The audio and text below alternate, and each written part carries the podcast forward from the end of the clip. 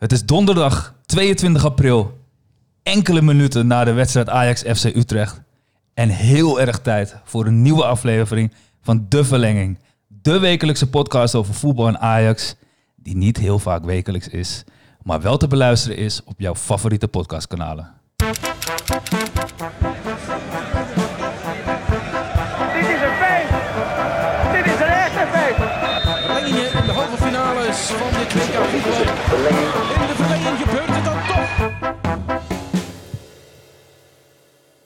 Yes, yes, dames en heren. Daar zijn we dan. Zowaar zijn we er eh, een week later dan, eh, dan, dan onze vorige aflevering. Dus eh, ik denk dat dat al een, een, heugelijk feitje is. Maar ja, wat ik al zei, het is eh, 22 april en we hebben zin om te knallen. De 25e aflevering. Een, een klein jubileum. En nou ja, je weet wat ze zeggen, hè? wie jarig is, die trakteert. Ehm, ik doe gewoon even alsof deze 25e aflevering onze verjaardag is. Ehm, en ja, we gaan trakteren vandaag. We hebben, we hebben een nieuwe gast in de uitzending. Eh, eigenlijk de huisgenoot van, eh, van een andere gast in de, in de uitzending. Giannini, zeg ik het zo goed? Je zegt het zo goed, ja. Nice, nice. Hey, leuk dat je er bent. Fucking gezellig. Ehm, misschien zet ik je nu voor het blok, maar eh, wa- wat is de grappigste mop die je kent? Oeh.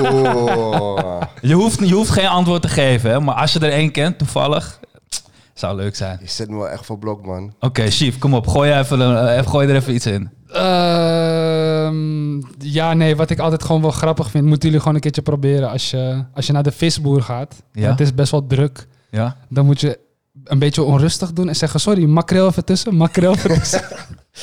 Shout-out naar Remco Babai trouwens, want dit is jouw grap. Oké, oké, oké, oké. Ik moest even wat bedenken. En, eh, nee, nee, nee. Remco komt altijd met dit soort dingetjes, dus... eh, Het is mooi dat je inspringt. Nou ja, kijk, het ding is, eh, voor de luisteraars, Chief die, die houdt heel erg van woordgrapjes. Dus het was niet een mop, maar ik reken hem wel goed. ja. Chief is echt mister woordgrapjes. Ehm, ja, dus bedankt dat je deze weer even met ons wilde delen. Maar ik denk dat er gaandeweg de podcast misschien nog wel her en der een, eh, een woordgrapje voorbij komen. Eh, ja, nou ja, voordat we, voordat we verder gaan. Giannini, eerste keer bij ons. Eh, Ja. Nou ja, we zitten hier natuurlijk om over Ajax te hebben. Kan je misschien iets vertellen? Oh, er ging eventjes iets fout. Ik drukte per ongeluk op een knopje. Maar ehm, kan je misschien iets vertellen over... ehm, ja, hoe, hoe ben jij Ajax-fan geworden? En, en vertel ons even iets over jouw verleden als, als Ajax-supporter. Nou, als klein jongetje ben ik natuurlijk heel vaak bij Ajax geweest. Mijn broer die speelde al op jonge leeftijd bij Ajax. Dus als klein jongetje Oh, ging ik nice. altijd mee naar al zijn wedstrijden. Hij speelde echt in de lichting van Stekelenburg, Snijden, Van der Vaart. Dus dat was echt een mooie lichting. Nice. Dus ik ging altijd al van jongs af aan mee naar de toekomst. Dan zie je al die wedstrijden. En ja, dan, dan, ben, dan ben je gewoon een Ajax-supporter. Ja, man. Ja, ik kan me dat echt mee, eh, dus- voorstellen. Ja. Doop, man. Doop. Ja. Bij mijzelf ging het minder eh, romantisch trouwens. Laat ik dat meteen ook gewoon delen hoe het bij mij ging. Maar eh, ik moest altijd naar bed wanneer Ajax speelde. Ehm, en dat vond ik super kut. Niet eens per se omdat Ajax speelde, maar vooral omdat ik naar bed moest. Dat was denk ik een jaar of zes, zeven. En toen weet ik nog één keer dat mijn stiefvader... Daar had ik er trouwens een hele hoop van, maar dat tezijde. Maar mijn stiefvader die, eh, die maakte me toen een keertje wakker voor, voor Ajax Willem II. Ik weet nog heel goed dat het tegen Willem II was. Ik weet niet meer wat we speelden. En toen haalde hij me uit bed om die wedstrijd te bekijken. En eh, ja, dat heeft zoveel indruk op me gemaakt dat ik vanaf die dag, ik was een jaar of zeven, was ik helemaal, helemaal verknocht aan het spelletje, aan voetbal. En sindsdien, eh, ja, krantenknipsels, van de krantenknipsels naar, eh, naar, naar alle, alle eh, artikelen op Voetbal Primeur, Voetbal International, noem het maar op. Maar eh, ja, sinds, sinds die dag werd ik Ajax supporter. Herinner je nog je eerste stadionbezoekje of niet? Ja, zeker. Weet je wat de grap is? Ehm, mijn eerste stadionbezoek was dus niet naar Ajax, maar dat was naar Amsterdam Admirals. Ik weet niet of jullie dat kennen. Dat is ja, ja, wel, tuurlijk. wel ook in de arena. Eh, ik ben nooit in de meer geweest, bijvoorbeeld. Ehm, maar ja, ik ging naar Amsterdam Admirals en ja, die, die waren wat minder goed in Amerika voetbal dan dat Ajax in voetbal was. Dus dat, ik moet zeggen, dat, dat, dat was niet altijd even gezellig. Ehm, maar ik weet ook nog dat eh, mijn, mijn, mijn vader die had, een, eh, had een vriend en zijn vrouw, ehm, dus van die vriend, die had, die had een kind die ook bij Ajax speelde. Ik weet even niet meer hoe die heet, to be honest. Maar ik had via hem had ik een kaartje gekregen voor eh, Ajax Pack, vak 409.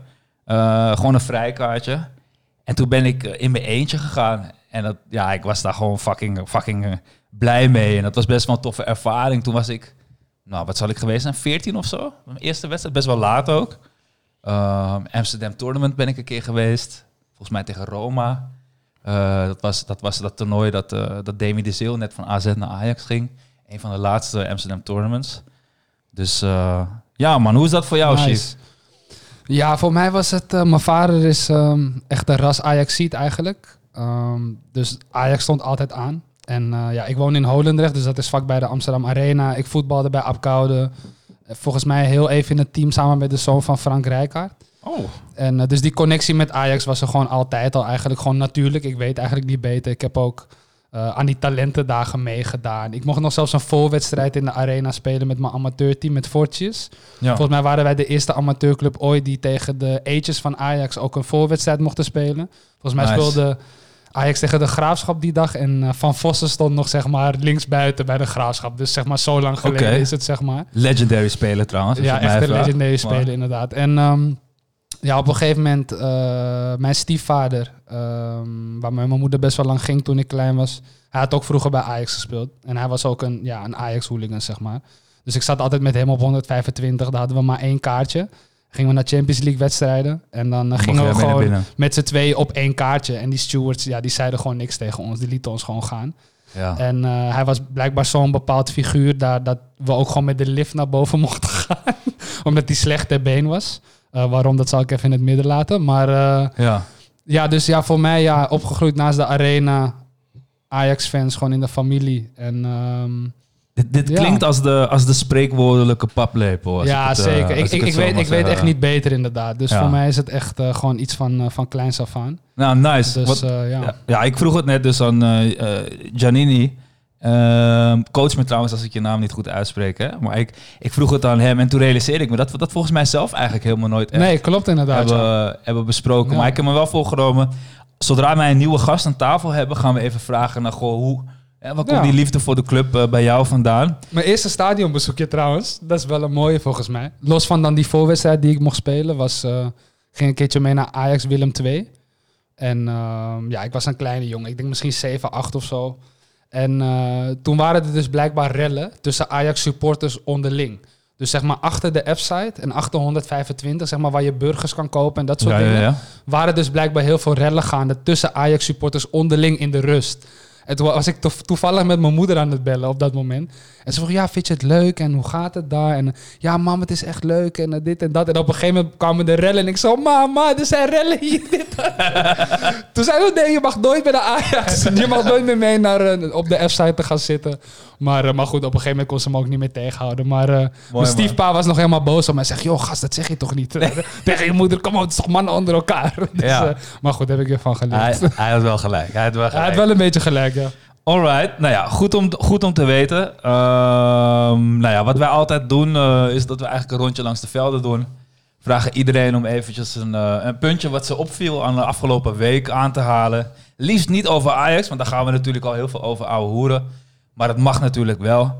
Ehm, en omdat ik onze gast nog even de tijd wil geven om nog even, hè, misschien moet hij nog even nadenken over een momentje. Ga ik jou nu alvast vragen, Chief. Ja, tuurlijk. Wat, wat is jouw momentje van, van de afgelopen week waar Ja. je het over wil hebben? En is het wat ik denk dat het is? Eh, nee, weet ik. Nee, ik denk het niet. Ik denk het niet. Kijk, er is natuurlijk eh, met de Super League en alle Ja. andere dingen superveel gebeurd. We hebben drie wedstrijden van Ajax nog te bespreken. Maar nee, ik wil het over iets anders hebben. En het is gewoon dat ik word gewoon eens in de zoveel jaar word ik verliefd op een speler. En eh, dat was vroeger bijvoorbeeld met eh, Neymar. Keek ik filmpjes van hem toen hij nog bij Santos speelde. Eh, ik was een keertje in Frankrijk op vakantie bij familie.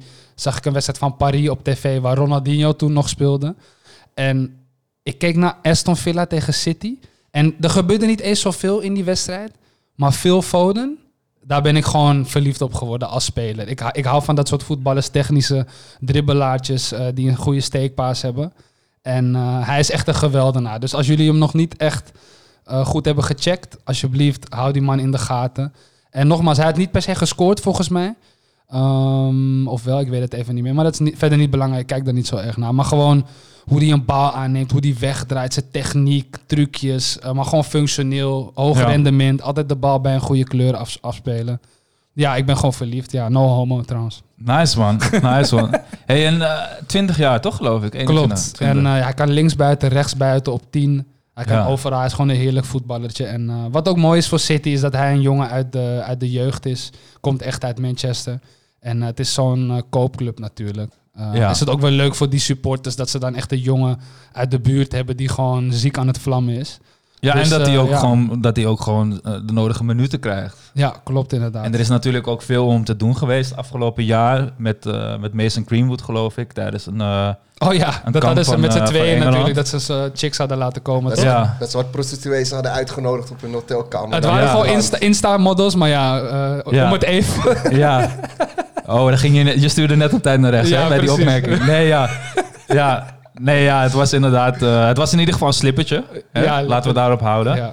En eh, we hopen dat hij ervan geleerd heeft. Maar wel leuk dat die jongen nou ja, in ieder geval zijn potentie waar lijkt te gaan maken. Ik ben ook benieuwd. Want wat ik wel met hem heel erg heb... Ik vind hem een hele bewegelijke, creatieve speler. Uh, maar ik weet nog niet wat nou echt zijn positie is. Is hij die, is hij die vrije speler op de flank? Hè? Een beetje Hazard-type? Of is hij toch meer uh, de tien die... Uh, nou ja, ik, weet- ja, spelverdelertje of man die in de 16 komt? Um, of, of, of moet je hem niet, überhaupt niet in een hokje plaatsen en moet je gewoon kijken waar je hem nodig hebt per- van week Ja, tot week. ik denk dat hij zich ook nog moet ontwikkelen. Je moet ook maar net kijken hoe die fysiek zich gaat ontwikkelen, denk ik.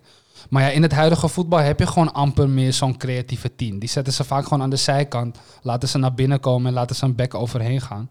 ja. Welke, welke club ken je nog die echt een klassieke nummer 10 heeft zoals we dat vroeger kenden? Dat, dat bestaat bijna niet meer, denk ik. Dus ik denk dat hij dan al snel aan de zijkant zal eh, belanden. ja, voetbal is ook heel erg in beweging. Hey, eh eh, Giannini, voordat ik jou vraag naar jouw momentje van de week. wa- wa- wat vind jij een mooie jonge speler? Wat is een jonge speler die, die op de Europese velden rondloopt waarvan jij zegt van nou, eh, ja, dat vind ik wel een, een mooie speler. Nee, kijk, naast Ajax heb ik natuurlijk ook een heel groot Barcelona-hart. Oh, ja, en als ik dan ja. kijk naar bijvoorbeeld de jonge spelers zoals Pedri, hoe hij nu voetbalt en hoe hij eigenlijk in Ja. zijn eerste seizoen al laat zien wat hij eigenlijk allemaal kan, ja, daar, daar kan ik zo erg van genieten. Ja, die, Ja. die jongen die is inmiddels 18. Klopt, ja. Ja, Spaanse ploeg. Volgens mij hebben we het daar ook in de vorige podcast Ja. al een keer over gehad. Waar, waar kwam hij ook weer vandaan? Was dat Las Palmas. Las Palmas? Ja. Dat is Mallorca, Volgens mij 4,5, 5 miljoen. Ja. Mallorca is dat, geloof ik. eh, Eh, weet ik niet eigenlijk. niet? Nou ja, Is het ik- Canarische eilanden? Oh, dat zou, ja, dat zou ook nog kunnen trouwens. Ja, ja, ja. ja. Mijn topografie is niet meer daar, eh, moet Nee, ik nee, zeggen. nee, dat- volgens mij heb je gelijk, man. Dat, eh, ja, wel top natuurlijk. Dat ze, dat, het schijnt wel dat hij inmiddels trouwens flink wat duurder is door het bonussysteem. Dat de basis inderdaad die 4,5 miljoen was, maar die uiteindelijk veel duurder geworden is. Maar eh, ja, leuk voetballetje. Ik ben benieuwd eh, welke kant het op gaat. En ook vooral of, of iemand als eh eh Puig, zeg ik het goed? Ja, Ricky Poei of zo? Ja. Ik weet ja, ik weet niet hoe je het uitspreekt, maar die, dat was eigenlijk een beetje wat, wat, wat, wat, wat die Petri dit seizoen is. Was hij vorig seizoen of het jaar daarvoor. En die lijkt nu een beetje eh, ja, een stuk minder voor te komen in de plannen van, van Koeman. Ik vraag me heel erg af eh, ja. Waar, waar het met die jongen dan naartoe gaat. Of, of, dat, of dat in dit, hè, in dit geval de eense dood, de andere brood. Ajax wilde hem nog huren, maar ze wilden hem niet laten gaan. Eh, Hij wilde zelf volgens mij ook, ook helemaal Hij wilde voor zijn kansen Hij had er geen trek in, Ja, dat ik. zou kunnen inderdaad, ja. Ja, maar ik denk als Busquets stopt, dat hij wel door gaat Wat breken. kansjes, eh, ja, dat hij wel wat meer kansjes gaat krijgen. Ja. ja, het lijkt ook zeker nu met Frenkie dat hij eh, dat hij helemaal niet per se op die, op die eh, positie voor de verdediging komt te spelen als Busquets stopt. Ehm, dus dan, ja, dan, dan lijkt dat ook zeker wel, wel, wel, wel te kunnen. Ehm, En jij, Stacey, wat is jouw... eh, momentje van de week? Nee, jouw jongboy van, eh, van dit moment, naar wie je graag kijkt? Ehm, laat me proberen om snel even na te denken. Wat vind ik nou echt een mooie voetballer? Kijk, ik zeg je eerlijk. Ik heb niet die ene jonge speler waarvan ik heel erg gecharmeerd ben. Eh, dat is heel slecht, want ik opper die vraag zelf. Maar ik ben eigenlijk helemaal niet... Ik heb die speler niet. Ik ben gewoon echt fan van Frenkie de Jong. Ik heb mijn, mijn, mijn, mijn kat naar Frenkie de Jong vernoemd. Ehm, niet dat dat per se betekent dat ik heel erg fan van hem ben, want het is een hele Hollandse naam ook. Maar ik vind dat gewoon zo'n mooie voetballer. Hij is volgens mij 24 inmiddels, Frenkie. Dus technisch gezien nog soort van jong. Hè? Eh, maar eigenlijk al niet meer een toptalent, maar gewoon voetballer van wereldniveau. Het is niet, het is niet in de top 5 beste middenvelders van de wereld. Maar hij zit, hij zit, nou misschien ook wel, maar misschien ook niet. Maar hij zit zeker niet buiten de top 15. Hij zit bij de beste 15 middenvelders van de wereld. En, wa- en wat vind je van dat eh, Willem Vissers, eh, de journalist, dat hij hem heeft vergeleken met Johan Cruijff? Kijk, ik ga nu een heel verstandig antwoord geven. Ik hou van het sentiment hè, om mensen op een voetstuk te plaatsen door middel van vergelijkingen, zeker met legendes. Alleen ik vind dat je gewoon bepaalde eh, smaken niet met elkaar moet willen vergelijken. Wat ik wel heel erg mooi vind aan Frenkie, en daarin bedoelt hij dat hij op Kruif lijkt, is de manier hoe hij met een bal dribbelt. En eigenlijk, Frenkie heeft redelijk veel snelheid. Hij heeft startsnelheid, hij heeft ook gewoon daadwerkelijk sprintsnelheid. Alleen wat, wat Frenkie zo ongrijpbaar maakt, is dat hij in zijn dribbel eh, van het een op het andere moment kan versnellen en een bepaalde ruimte in kan duiken. En, en dat is heel erg vergelijkbaar met hoe Cruijff dat vroeger deed. En ik snap daarin eh, zeker wel de vergelijking.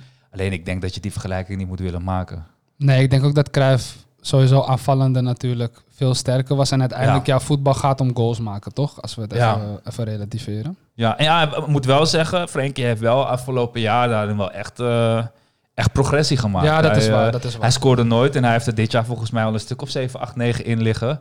Ja, mocht dat doorontwikkelen en hij wordt die middenvelder die er wel 15 in legt, dan eh, ja, dat, wat me overigens zou verbazen, want ik vind dat hij daar het schot niet voor heeft. Maar ja, dat zou hij dan wel echt, eh, echt goed doen. Alright, laten we doorgaan. Ehm, ik ga gewoon heel egoïstisch mijn puntje van de week eerst opnoemen. ja, heb ik gewoon even zin in. Gewoon doen, grap. Ja, ehm, wat ik mooi vond is dat eh, de Super League werd natuurlijk, eh, die werd in het leven geroepen. Ehm, het voelde een beetje als, we gaan nu een front vormen, maar we hebben er nog niet zo heel erg goed over nagedacht of zo. Maar dat moet per se de wereld in voordat de Champions League hervormingen worden besproken. Dus doen we het maar. Ehm, nou ja, met de kennis van nu blijkt ook wel dat eh, ploegen trokken zich vrij snel terug. En ik heb zoiets van, ja, wat, wat dacht je dan? Had je andere reacties vanuit de, vanuit de voetbalwereld verwacht? Dus dat kan het niet alleen zijn. Dus ik denk dat daar ook qua structuur al iets niet helemaal goed zat. Maar wat ik mooi vind, en, en we hadden het vorige week over PSG Bayern.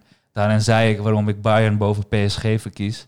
Ehm, maar ondertussen hebben allebei die clubs hebben er voor, gewoon voor gekozen om, om niet mee te doen aan die plannen. En ik wil bij deze gewoon een land spreken voor, voor een club als PSG, die wel een paar honderd miljoen uitgeeft aan Neymar, maar vervolgens er wel gewoon voor kiest om eh, ja, competitief voetbal eh, te blijven steunen. En zeker Bayern, eh, ook de uitspraken die daar gedaan zijn. Bayern is een van de top drie beste clubs Europa. Gewoon qua resultaten afgelopen eh 10, 15 jaar. Volgens mij na Barça Real de club met de meeste halve finales. Eh, of of nou ja, hoe, je, hoe, je, hoe je gaat kijken naar die resultaten. En toch gewoon heel duidelijk niet kiezen voor, voor die Super League. En dat, ja, dat, dat vind ik tof. Ja, G, dit was eh, ook een beetje jouw moment natuurlijk. Dus ik neem aan dat jij er ook een sterke mening over Hey, let's hebt. go man. We kunnen Ja, het gewoon dus, samenvoegen. eh, ja. ja. Ja, nee, Ik ga had je gang een- man. Ga je gang, ga je gang. Ik kan nog wel een ander momentje, maar laten we natuurlijk laten we het gaan hebben over de Super League. Kijk, ik vind de Super League, of de UEFA, laten we eerst bij de UEFA beginnen. Ik vind het eigenlijk gewoon net maffia. Ja. En het gevoel dat ik bij de Super League heb, is dat er een andere maffia-familie dus gewoon een soort van de boel probeert over te nemen. En dat ze dan ruzie met elkaar krijgen. Dat, zo'n gevoel krijg je hier nu gewoon mee. ja. Ehm, ja, 15 clubs. Maar ja, als je dan naar die 15 clubs kijkt, er zit een Arsenal bij, een Tottenham Hotspur. En er zijn toch niet echt de clubs waarvan je denkt van die horen dat thuis. Ja, heel selectief in, in wie dan tot de vaste groep Ja, behoren. precies. En eh, ja, maar kijk, je, je hebt gelijk hoor, trouwens, over dat eh, maffia en maffiafamilie, daar, daar valt zeker wel wat van, voor, te, van te, eh, voor te zeggen. En ik hou ook van die volkse termen wat betreft zo'n vergelijking. Dit is gewoon spot on. Alleen wat ik, wat ik nog erger vind aan die Super League is dat hier zit gewoon een gesloten systeem eh, aan, aan ten grondslag. En dat is, ja, weet je, vooral als je Barça en Real dan nu hoort praten over het feit dat, eh, dat, dat, dat het de toekomst van het voetbal is en dat dit ook de clubs zijn die eh, de meeste omzet voor het voetbal genereren. Dan denk ik van ja, maar jongens, jullie geven honderden miljoenen aan spelers uit. Jullie staan bijna allemaal diep in het rood, behalve als je in Engeland in de competitie zit, want daar zijn de tv-gelden van een bepaald niveau. En nu kom je de rechten aan ontlenen. Maar als we tien jaar geleden of, of twintig jaar geleden dit gesprek hadden, dan was Ajax de allerbeste club van de wereld. Met heel weinig geld die ze uitgaven. En zouden we dan ook zeggen hè, dat, die, dat die club daar recht op had? Ehm, dus ik vind, wat zij zeggen, daar valt wel iets voor te zeggen. Alleen het is op basis van heel veel geld wat ze uitgeven. Wat ze eigenlijk zich helemaal niet kunnen veroorloven. En dat blijkt in, in tijden waarin er geen omzet wordt gegenereerd. Of beperkte omzet wordt gegenereerd. Dat dat, dat, dat verdienmodel en, en dat beleid wat hun voeren eigenlijk helemaal niet rendabel is. Nee, maar je kan eigenlijk ook per club kan je gewoon heel goed kijken en, en zien waarom ze die keuze gemaakt hebben ook. Eh, Real en Barça hebben honderden miljoenen schuld. Echt honderden miljoenen schuld. Ja. En zo'n coronaseizoen eh, gaat er natuurlijk enorm inhakken. Maar eigenlijk wil die, die Super League moet hun slechte beleid gaat comp- gaan compenseren eigenlijk. Daar komt het op neer. Dat, dat is voor die twee teams. Juventus is eigenlijk eh, al drie jaar lang niet door de kwartfinale van de Champions League heen gekomen. Dus die voorzitter die, die heeft ook een dikke vinger in de pap. En het is ook logisch dat hij dat wil doen. Als je kijkt naar Liverpool en United, hebben eigenlijk Amerikaanse eh, Ja. eh, eh, directeuren en eigenaren. En zij willen eigenlijk gewoon het Amerikaanse model van de NBA en de NFL en de NHL willen ze gewoon naar voetbal brengen. Alleen ze hebben gewoon de, eh, de cultuur, de voetbalcultuur heel erg onderschat, denk ik. Omdat ze gewoon Amerikanen zijn en die snappen er gewoon geen reet van. Ze weten niet hoe belangrijk voetbal is voor mensen en hoe de fans voetbal groot gemaakt hebben. Dus ze hebben het enorm onderschat, denk ik. Dus Ja. dat is wel mooi om te zien. En kijk, steeds als ik eerlijk ben, ik zou geen eh, lans willen breken voor Paris en voor Bayern. Want kijk, voor hun, ze zijn al veruit de beste in hun eigen competitie. Ze krijgen veruit de meeste eh, tv-gelden ook en geld uit de Champions League. Dus waarom zouden zij in een league gaan zijn waar ze dat niet meer zouden zijn? Ja, maar ze zouden tien keer zoveel gaan verdienen, man. Ook daar. Ja, Ja, Volgens, mij, volgens mij startgeld was iets van 3,5. 200, 300 miljoen of zo. 3,5 miljard, man. Ja, dat is voor alle, vij- alle 15 of 20 clubs was dat. Maar oh, club- ik dacht, ik dacht per club, dacht Nee, ik... nee, nee. eh, nee, nee, nee, dat niet, dat niet. Oh. Maar dus, dus wat dat betreft, ja, kijk, Bayern München die koopt gewoon de, de concurrentie op. Kijk naar Lewandowski, kijk naar Hummels. Eh, dat is gewoon hun strategie. En ja, Paris is ook al 7, 8 jaar kampioen geweest in Frankrijk. Gaan nu juist net lekker. Eh, en er zijn altijd weer andere belangen die meespelen. Dus uiteindelijk, wat Giannini ook aangeeft, het is echt maffia tegen maffia. Ook super kinderachtig. Dan gaat de FIFA en de UEFA zeggen, ja, eh, dan gaan we de spelers niet eh, geven voor interlands en dat soort dingen. Dan mogen die Ja. ook niet meedoen. Dat, dat, dat was voor mij het moment dat ik dacht van, oké, dit zijn gewoon kleine kinderen. Die gewoon zeggen, oh, je wil met ons fokken? Nou, dan mogen jullie dit ook niet doen. Ja, maar ik ik vond het echt, echt, een, echt een showtje gewoon. Weet je waarom ik dat snap? Is dat je moet het zien als, als eh, bonden bij het boksen of bij het darten. Als jij voor de ene bond kiest, dan kan je niet ook bij de andere bond spelen. Weet je? En, en dat was eigenlijk volgens mij gewoon het punt wat ze hier proberen te maken. Van goed, als jij nu eh, uit onze bond wil stappen en qua, commerci- eh, qua commerciële targets en wat ze hebben, ons eigenlijk eh, wil overrulen, ehm, dan betekent het wel ook dat je niet eh, van dat andere bordje van onze bond mee kan eten, wat die, wat die interland zijn. Dus ik ben het eigenlijk daar wel mee. Hoe, hoe kijk jij daar tegenaan? eh? Nou, kijk, ik ben echt een romanticus. Ik vind dat voetbal moet romantisch zijn, moet een goed gevoel geven. En daarom hou ik bijvoorbeeld zeker hoe Ajax bijvoorbeeld de laatste paar jaren goed bezig is. Door goed beleid te voeren, dat ze gewoon steeds beter worden en goed met hun geld omgaan. Daarom kan ik bijvoorbeeld de club als Bayern ook gewoon heel erg waarderen. Ja. Uh, maar ik vind als je als club ja, geen concurrentie meer hebt en elk jaar maar gewoon 200 of 300 miljoen krijgt, dan haalt het toch de hele romantiek van het hele voetbal weg. ja. Maar dan zou die Super League dan wel goed zijn, toch? Want dan heb je meer concurrentie. Kijk, wat ik nog tegen jullie wilde zeggen hierover trouwens, is dat om een beetje een tegengeluid te bieden. um, ik ben zelf iemand die echt een enorme voorstander is van innovatie. Ik, ik denk dat innovatie echt het aspect is wat de mensheid vooruit helpt in general. En wat, dus ook wat er ook voor zorgt dat we ons steeds blijven verbeteren en dat we dingen kunnen optimaliseren. Ik heb wel het gevoel dat eh, het huidige voetbal wel aan verandering toe is. Uh, misschien niet in deze format, misschien niet met deze financiële voorwaarden. En ook dat er geen promotie- en degradatiesysteem in zit, is natuurlijk ook helemaal, uh, helemaal wrang. Maar er moet wel iets veranderen. Want kijk, ik ben echt een voetballiefhebber. Maar ik kijk niet naar de Champions League tot de kwartfinale. Het interesseert me gewoon niet. Ik hoef niet Bate Borisov tegen Young Boys te kijken. Ik hoef niet zelfs Barça tegen Slavia Praag te kijken. Ik kijk dat gewoon niet, want het is gewoon niet interessant. Dus dat moet ik wel eerlijk toegeven, is dat ik wel denk dat we op een gegeven moment moeten gaan innoveren. Op wat voor manier dat is, dat weet ik niet. Ze gaan de Champions League een beetje op de schop Maar gooien. daar ligt een plan voor, voor klaar, toch? Ja, maar dat plan was volgens mij gingen ze naar vier meer teams in de Champions League. En ja, ik heb dat plan niet, niet zorgvuldig doorgenomen. Kunnen we misschien volgende week bespreken. Maar ik Ja. denk wel, uh, en ze hebben dat argument heel erg gebruikt. Terwijl uiteindelijk gaat het alleen maar om geld natuurlijk. Er moet wel iets gebeuren. Want ik kijk niet naar Interlands, ik vind het niet interessant. Die Nations League is dan nog een beetje leuk omdat je goede landen tegen elkaar krijgt. Maar voor de rest, nogmaals, Champions League. Ja, ik ging pas kijken bij Paris tegen Bayern. Daarvoor keek ik gewoon niet. Los van Ajax dan. Ja, ja ik, ik, ik ben het ook daar niet helemaal mee eens. Want ik vind bijvoorbeeld heel vet als Shakhtar Donetsk met 3-0 van Real Madrid wint in de groepsfase. Ik, dat vind ik tof. Ja. Um, en dat gebeurt nog steeds. En juist in die coronaseizoenen, als ik het zo mag zeggen, zie je dat de grote clubs tastbaarder zijn dan ooit. En dat zegt gewoon dat, grond, dat geld een hele belangrijke rol speelt. En wat ik me afvraag is... ehm, eh, veel clubs zeggen van ja, eh, we moeten hele hoge kosten maken om een bepaalde uitdagende, uitdagende affiches te kunnen creëren. Maar moeten we dan niet gewoon spelers wat minder gaan betalen? Ja. Als je 200 miljoen voor een speler moet betalen en, da en daarom dan maar eh, gesloten competities moet gaan oprichten, moeten we dan misschien niet met z'n allen even wat gezonder gaan nadenken over hoeveel geld er vanuit de voetbalpyramide naar zaakwaarnemers en naar, naar spelers vloeit? Want dat was mijn volgende vraag, die wilde ik eigenlijk aan jou stellen, Janine. Best wel veel spelers zijn opgestaan om een vuist te maken, maar ook heel veel niet.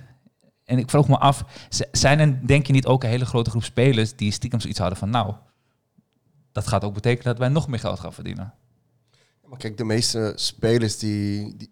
Daar krijg ik het gevoel bij dat ze gewoon echt voetballen voor het geld. Niet meer voor het plezier, niet meer voor de liefde voor het spel, maar gewoon echt voor het geld. Als je dan kijkt bijvoorbeeld nu naar een Mbappé die op wat 18-jarige leeftijd tot 20-jarige leeftijd al echt een keuze gaat maken straks voor het geld. En dan Ja. denk je van, hij heeft nog misschien 10 of 15 goede jaren nog in zich, waarbij hij gewoon echt de beste van de wereld kan worden. Misschien al, misschien al is is. die dat al. Ja, ja. Maar hij gaat nu waarschijnlijk een keuze maken alleen voor het geld. En Erik Haaland bij Borussia Dortmund, die gaat waarschijnlijk ook straks een keuze maken alleen voor het geld. Maar is wel, is, eh, om, een kleine nuance te, te, te, plaatsen bij wat je zegt. Het is natuurlijk wel zo dat hij speelt al op bijna het allerhoogste niveau. Hè? En, en om, voor hem om die Champions League te winnen, ja, we zijn volgens mij allemaal wel eens dat hij dan waarschijnlijk bij PSG weg moet. Toch? Ja, ze staan nu halve finale waarschijnlijk, maar Maar Ik- zijn, ja. maar De zijn- PSG zou het dit jaar winnen hoor. Als, het gaat het dit jaar winnen hoor, guys. Dat eh, durf ik wel te zeggen.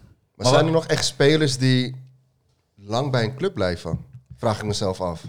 nee, ja, nou ja, nee, ja, het is, in die zin zijn de tijden veranderd natuurlijk. Clubliefde bestaat sowieso niet meer. Dus Nee. dat, eh, maar, maar het dingetje is ook een beetje, kijk, als je het vergelijkt met de NBA en de NFL, dat blijft eh, zo competitief omdat je een draft systeem hebt. Dus die, die jonge spelers zitten op de universiteit, op high schools en dan het slechtste team mag als eerste zo'n speler kiezen. Dat heb je ook met voetbal niet. Dus die hele Super League, ja, ik, ik, ja, ik zie het niet zo snel Ja. gebeuren. Ik weet het Ja. niet. ja, en je hebt ook bij, ehm, eh, wat ik nog even wilde zeggen, ook over Haaland, wat ik wel heel goed vond, is, hij kon bij Salzburg kon hij al naar grote clubs. Hè. Hij kon al naar Manchester, hij kon volgens mij al, nou, ik weet niet of hij naar Real kon, maar hij kon echt al naar grote clubs.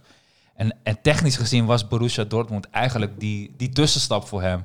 En nu blijkt ook, hij heeft nu twee wedstrijden niet gescoord en het is meteen een ding. Maar, maar, ze- maar zijn gemiddelden zijn belachelijk, toch? Laten Ja. we wel zijn. Nee, absoluut. absoluut. Dus Maar ja, kijk, clubliefde, ja, om daar nog even op in te gaan. Kijk, als je je hele leven bij een club speelt en je blijft daar ook spelen, dan heb je nog wel clubliefde. Maar zo'n jongen als Haaland, die al op zijn 16e, 17e eh, uit Noorwegen weggaat om carrière te maken, ja.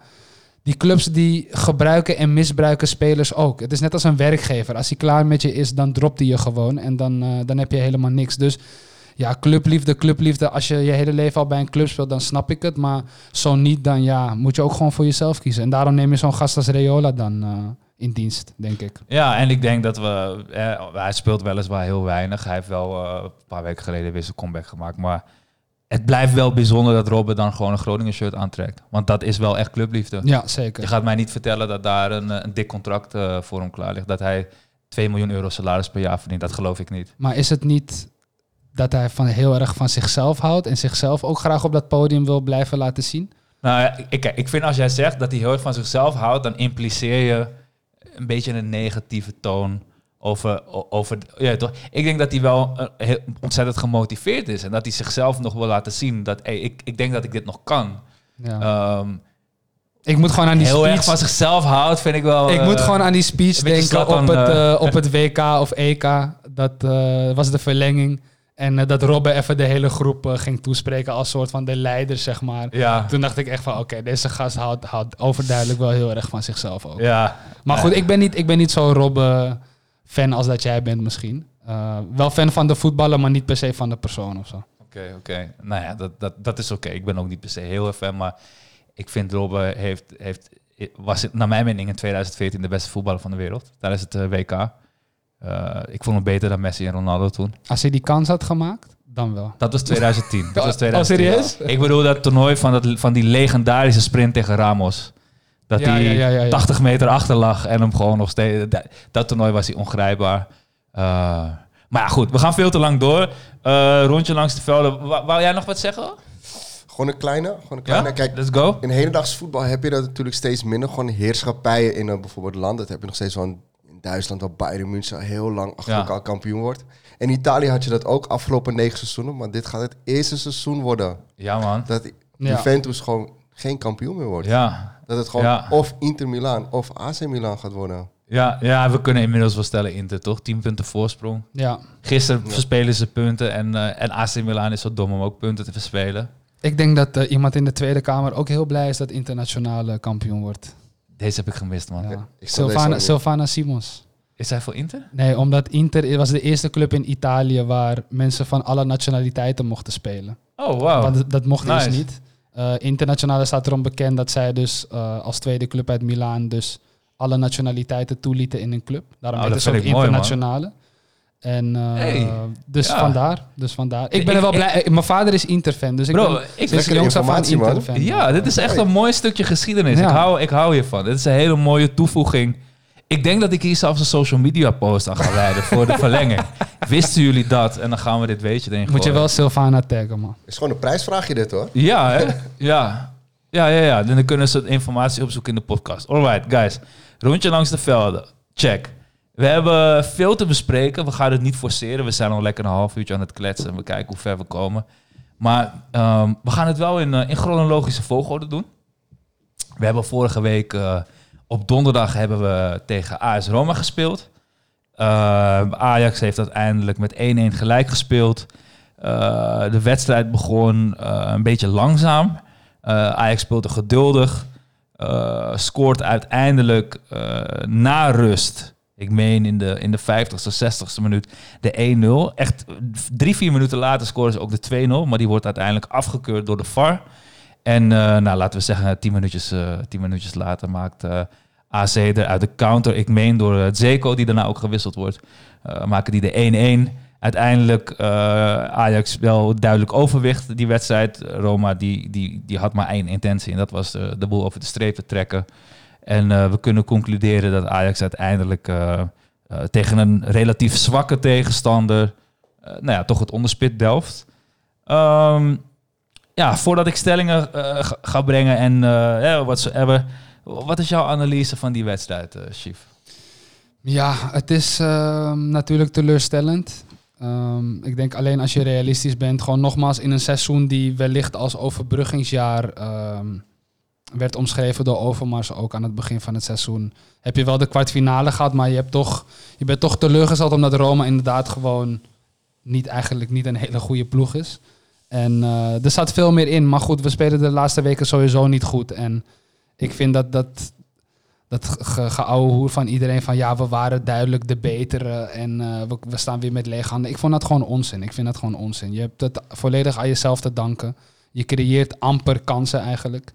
Ehm, dus ja, ik, eh, ik, ik kijk sowieso al rijkhalsend uit naar volgend jaar. En eh, ja, it is what it is. Ik, ik heb er niet zoveel over te zeggen eigenlijk. Ik heb het al een plek gegeven. En eh, ja, ik vond het gewoon, ehm, net als in de groepsfase in de Champions League, ook die wedstrijden tegen Atalanta en Liverpool. Het staat dan soort van wel goed achterin, maar je creëert gewoon helemaal niks. En ik ben al mijn hele leven ajax En als er één ding is wat Ajax doet, is het kansen creëren, aanvallend voetbal spelen en van je eigen krachten uitgaan. En dat heb ik gewoon eigenlijk de hele Europese campagne op de wedstrijden tegen Young Boys na gewoon gemist. En ja, daardoor vond ik het eigenlijk gewoon wat terecht dat we uitgeschakeld waren. Maar we hebben het toch altijd moeilijk tegen eh, teams die de bus parkeren voor het doel. Ja, Altijd Ja. wel moeilijk tegen Italiaanse tegenstanders gehad. En Roma, dat deed gewoon precies hetzelfde. Die parkeren Ja. de bus. thuis, thuis in deze wedstrijd nog veel meer dan in Amsterdam Ja. trouwens. Maar wa- waar vind jij dat Ajax het hebt laten liggen als je naar deze wedstrijd kijkt? Ehm, ik denk gewoon, en dan ga ik Chief alvast een voorzetje geven.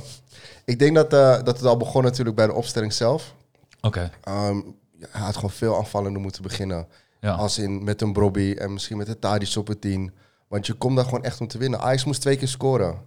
ja. Ja, en, dan, eens. en dan komt Brobby gewoon heel later in. Niet dat hij de redder had moeten zijn, maar wel gewoon... Hij scoort wel meteen. Ja, hij Ja, en, en, en, er minuten. veran- en er verandert ook echt wel meteen weer wat op het moment dat hij eh, het veld in komt. Oh ja, en sorry trouwens. Kleiber, boys.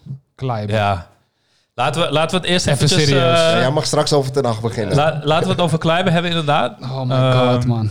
Maar even in grote lijnen nog de wedstrijd, eh, voordat we individueel gaan analyseren. Want ja, over Kleiber kunnen we heel kort zijn. In die, in die 20 minuten was het kut. En we waren blij toen het voorbij was, toch? Ja. Dat, eh, die, die jongen die loopt zo over het veld heen te zwalken.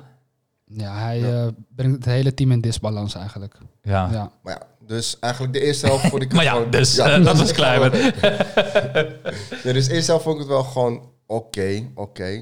Toen Ja. Robbie erin kwam, is gewoon de eerste 10 minuten van, vanaf de 1-0 tot de 2 of tot de soort van 2 Ja, ja, ja. Speelde eigenlijk gewoon heel goed en daar had ik gewoon echt goed hoop in.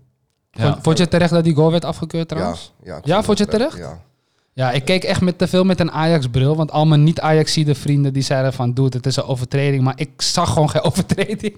Ik kon het Ja. gewoon niet zien of zo. Weet je hoe ik het zag? Is dat ehm, eh, als de VAR er niet was, zou deze nooit afgevlagd worden, ook niet afgefloten worden. Alleen als je eenmaal gaat kijken, kan je niks anders doen dan hem afkeuren. Want er is duidelijk contact. Alleen die speler die weet ook dat er contact is en die laat zich gewoon op een gegeven moment wel gewoon met plezier naar de grond. eh. Maar Ja. het gaat er toch meer om dat die scheidsrechter daar gewoon echt twee meter vandaan stond. Ja. Ja. Maar ja, goed, hij heeft niet gefloten, hè? Dus het, Nee. uiteindelijk gaat het gewoon om de beelden. En op de beelden zien we duidelijk dat er een overtreding is. Maar het gebeurt voor zijn neus. Twee meter van hem af, gewoon in real time. En dan ga je vervolgens, ga je het in slow-mo, ga je het vijf keer terugkijken. Ja. Tuurlijk ga je dan een overtreding Ja, zien. en het is Engelse scheids, hè? En die, en die fluit in Europa. Dus waarschijnlijk zelf vindt hij het niet per se een overtreding, maar met zoveel druk erop. Ja. En je weet ook, het, het, was een beslissende treffer geweest. Eh, Europa heeft misschien een iets andere, ander spectrum qua ja, eh, wanneer is iets een overtreding of niet. Ehm, Dat ja, is het ja, inderdaad, ja, klopt. Uiteindelijk eh, geeft hij hem niet. Maar jij denkt dus eigenlijk dat Ajax het heeft laten liggen door, door de opstelling, door, door niet aanvallend genoeg te beginnen. Ja. Ehm, weet je wat ik zelf ook persoonlijk heel erg eh, vind als ik naar deze wedstrijd kijk, is dat los van de opstelling, het lijkt wel alsof Ajax nog heel erg gereserveerd erin ging. En ik zei vorige week in mijn podcast, eh, of in mijn podcast, in onze podcast, zei ik van, joh, eh, we moeten geduldig aan die pot beginnen. En vanaf de tweede helft moeten we alles geven. En jij zei tegen mij, Chief, nou daar ben ik het niet mee eens. We moeten vanaf moment één moeten we er gaan staan. Ja. En eigenlijk hebben ze precies gedaan wat ik zei. En toen ze het deden, had ik zoiets van, waar zijn jullie nou helemaal mee bezig, jongens? Gaan, willen we winnen of niet? Op zich, als die 2-0 gewoon zat, dan, is het, dan Ja. zit je op rozen en dan ga je gewoon lekker. Ja. Ja, en dan Oh. moeten hun komen en dan prik je misschien die Precies, 3-0. dus op zich, ja, het was niet een slechte insteek van je. Maar ehm, ja, wat Janini ook zegt, eh, de opstelling al, de intentie ook. Eh, ik vond het heel jammer. Kijk, die ene tegengoal, dat, dat kan gebeuren. Je moet sowieso twee scoren. Je moet sowieso twee maken. Ik Dus- denk dat als die 2-0 was gevallen, dat je deze goal niet zo tegen had gekregen, Ja. als ik eerlijk ben. En ook, kijk, nog even over die keuze voor Kleiber. Kijk, het mooie aan Timber en, en Schuurs, die eigenlijk een beetje op dezelfde positie spelen, is dat Schuurs is dan misschien ietsje minder dan Timber. Maar je kan op zich wel, en dat zei ik aan het begin van het seizoen ook in de podcast, wel kijken naar de tegenstander. Ja. Hoe staan die? eh, en op welke manier natuurlijk. kunnen wij het neerzetten? Nou ja, Zeko is Ja. niet heel snel, is niet heel wendbaar, is vooral kopsterk. Ja. Zet dan gewoon Schuurs neer en zet Timber op rechtsback. Ja, dat Maar dan, ga je, ja, maar dan ga je Kleiber, die nooit speelt, ook nog eens het niveau niet heeft. Dus je hebt en een speler die te nep is en ook nog eens niet in vorm is. Dus het is en min-min is niet plus in dit geval. Dan ga je hem toch niet in zo'n wedstrijd opstellen. Ik begrijp dat gewoon echt niet. Nou, ik denk ter verdediging van, van Ten Hag, dat de keuze dat hij dit gedaan heeft, is... eh, ik denk dat hij eh, Timber door middel van zijn wendbaarheid ehm, eh, en misschien ook wel de manier van indribbelen, dat hij hem voetballend in de opbouw waardevoller vindt. En dat hij dat ook nodig achtte om die goals, die twee goals die gemaakt moeten worden, te realiseren. Daarnaast schijnt Kleiber relatief snel te zijn. Volgens mij nog wat sneller dan Timber ook. Ehm, dus ik kan me wel, ik kan me wel voorstellen, ik kan me zijn beweegredenen voorstellen. Alleen als jij die beweegredenen, als, jij, als jij die tactiek moet gaan realiseren door Kleiber op te stellen, dan zou ik altijd voor een andere tactiek kiezen. Want Kleiber is gewoon niet het niveau van Ajax. Het is een hele makkelijke slachtoffer, dat weet ik. In het begin wilde ik het nog wel eens voor hem opnemen. Maar ik, heb, ik, heb, ik ben ook heel benieuwd. Je ziet bij voetbal zie je altijd die heatmaps, toch? Ik, weet je, waar, een, waar een speler op het veld is geweest. En ik ben bij hem zo benieuwd naar zijn heatmap. Want Hij loopt overal behalve waar hij moet lopen. Hij rent heel vaak rent hij naar binnen toe, naar de spitspositie. Ehm, heel vaak waar het heel logisch is om eigenlijk als rechtsback over je rechtsbuiten heen te komen, die achterlijn te halen, zie ik hem binnendoor naar- bij de spits aansluiten. En ik, ik begrijp zijn. hij wil, hij wil gewoon zo, zo dicht mogelijk bij zijn beste vriendje Sebastian Aller zijn natuurlijk. Ja. Ik denk dat zij op hun maandagochtend, voordat ze gaan trainen, even samen door het weiland heen eh, dartelen met z'n tweeën hand in hand. Wat houden die van elkaar zeg? Maar, eh, Zo. Zo, wauw. Eh, ben je verkeerde bij het bed ja, nee, eh, sorry. Ik heb verkeerde podcast dit, man. Ik eh we hadden net extra veel zout bij de hamburger, dus ik ben iets wat salty. Maar, eh, nee, nee, dat nee, e- even zonder grap, maar ik, ja, nee, sorry. Ehm, nee, ja, ik, Nee. Ik, ik, ik, ik, hou mijn mond verder. Het mogen duidelijk zijn dat eh eh, Kleiber een beetje gecanceld is wat ons betreft. Maar eh, eh, dus eigenlijk gewoon, had gewoon aan de aftrap moeten staan, toch? Ja, wat mij betreft wel, ja. Ja. Ik Zie, zie, zie jij dat ook zo? Ja, ik zie dat ook wel zo. ja. Ja, en, dan, en wie, voor wie zouden jullie dan kiezen? Zou het dan... eh, eh, Neres eh, speelt bij mij sowieso niet in de sterkste opstelling, want hij presteert de afgelopen weken. Nee. Ik, ik hou van die jongen en hij heeft ons echt eh, in, het mooie, in die mooie seizoenen wel vooruit Ja. geholpen. Fantastisch. Maar eh, het spijt me man, hij speelt echt belabberd. Hij heeft ons de bekerwinst wel bezorgd, misschien een mooi bruggetje. Dus wat dat betreft ben ik hem wel dankbaar. Maar eh, over Ja. het algemeen, ik vind het bijna zielig worden voor hem. Maar is het, is het niet zo dat er gewoon een bepaalde... eh, kijk, een, een elftal is altijd, om in metaforen te praten, is een cocktail. En soms moet je gewoon, om, om als je nieuwe smaken toevoegt, moet je toch ineens iets minder suiker hebben. Of iets minder zout of wat zo hebben. Is het niet ook gewoon zo dat het niet alleen die vormcrisis is, maar dat gewoon nu de, de, de veldbezetting in, in, in dit Ajax gewoon dusdanig ander is, dat, dat er meer speelt dan alleen die vormcrisis en terugkomen van een blessure? Wat, wat, wat vind jij daarvan? Nou ja, ik, denk, ik denk sowieso dat hij er gewoon één niet goed in zit. Ja. Gewoon dat, ehm, ja, soms staat hij op links, soms staat hij op rechts. Dat hij van alle kanten voor naar her gaat. En natuurlijk ook altijd die wisseling met, met Anthony. Het zijn natuurlijk twee hele andere spelers, maar ook weer een soort van identiek. Ja, ja, ja zeker. Dus ik denk dat het voor, voor, voor hem gewoon moeilijk is om zich nu aan te passen aan het Ajax was, eh, hoe ze nu spelen. Ehm, maar al met al vind ik hem wel, Neres in zijn goede tijden, of als hij een goede wedstrijd hebt, hij is wel een van de weinige spelers die wel voor diepte zou kunnen zorgen. Ja. Zeker. Buitenom En gaat. ik, ja, en ik denk Ja. dat Ten Hag misschien dat ook in zijn hoofd had, dat Neres dan de speler zou zijn die voor diepte zal zorgen. Achter misschien de Tadic die ze dan zou laten vallen. Maar ja, dat, ja, dat gebeurt. Maar uiteindelijk zie je ook gewoon dat eh Ziyech iedereen be- er beter uit liet zien. Hij is er Ja. niet meer en alles Ja. kwam vanuit hem. Alle creativiteit kwam vanuit hem. En je ziet gewoon, het ontbreekt enorm aan creativiteit bij Ajax. Ja, ja Enorm. fan- fantastische voetballer. Ehm, ik wil nog eventjes eh, twee stellingen erin gooien over deze wedstrijd. Ehm, en, en feel free om eentje naar de tafel te brengen trouwens. Eh Ryan Gravenberg heeft het af laten weten over beide wedstrijden tegen AS Roma bekeken. Eh, oneens. Alright, verklaar je nader? Ik, ik, ik vind dat die jongen is nog, nog steeds 18. Eh, hij is het enige, de enige creatieve speler die we hebben op het middenveld. Dus alles valt op hem. En ik vind het gewoon niet terecht om, om per se te benadrukken dat hij het heeft laten weten. Ik denk dat heel Ajax het heeft laten weten, waaronder de trainer. Af heeft laten weten. Af heeft laten weten, sorry. Uh, maar niet dat het per se uh, specifiek op Gravenberg gefocust moet zijn. Dus ik, hij speelde niet per se heel goed. Maar ik, ik vind deze stelling iets wat uh, te harsh. Oké. Okay. Dus vandaar oneens. Oké. Okay. Kijk jij Voor mij ook oneens. Ik denk dat hij gewoon een heel goed, goede seizoenstart heeft gehad. Waarbij we hem helemaal de hemel, hemel in hebben geprezen. Ja. En dan nu heeft, zit hij gewoon iets minder in zijn vel. Maar ik denk niet dat we dit op hem moeten afschuiven. Alhoewel hij natuurlijk wel de enige creatieve speler is die we zo'n beetje hebben. Maar ja. dat is niet zijn schuld. Want voor Alfred ja. en, Kla voor ja, en Klaassen moeten we het niet zoeken. Nee. Op het middenveld. Ja, ik ben, ik ben het dus wel eens met de stelling. Uh, maar ik vind niet... Ik, ik wil het niet generaliseren over zijn seizoen. Ik vind dat ook niet kwalijk, want het is inderdaad een speler van 18. Maar ik vind wel, als je naar deze wedstrijden keek, dat hij, dat hij niet gedeliverd heeft wat hij kan deliveren. En um, wat een beetje het nadeel bij Gravenberg is, dat... Um, uh, weet je, jij weet van mij, Chief, dat ik vorig jaar veel...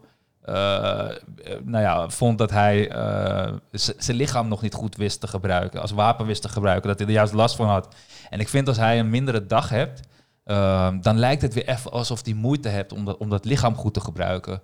Uh, en dan oogt het allemaal gewoon even wat, wat, ja, wat flegmatieker, wat minder... Uh, nou ja, niet nonchalant, maar gewoon ongelukkig, zeg maar.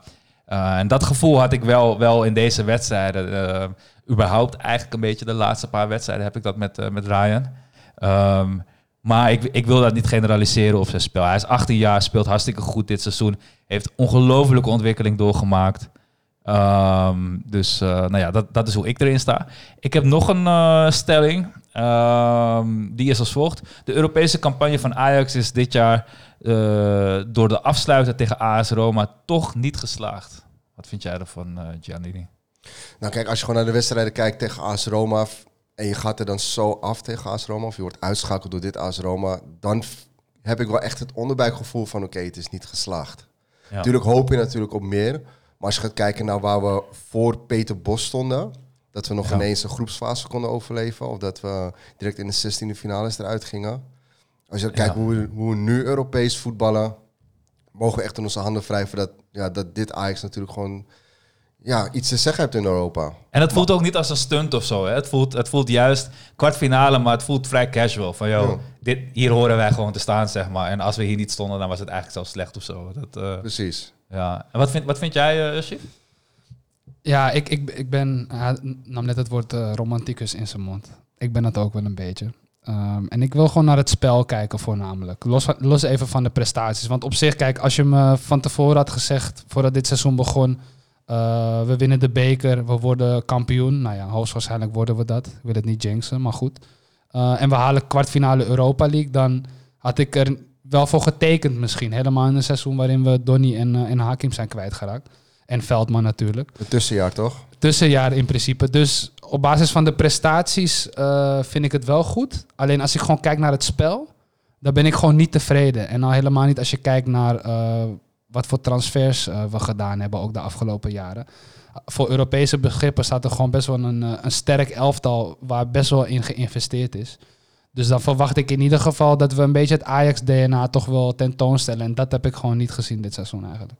Ja, alright. Ehm, ik wil jullie toch vragen om even een cijfer te geven.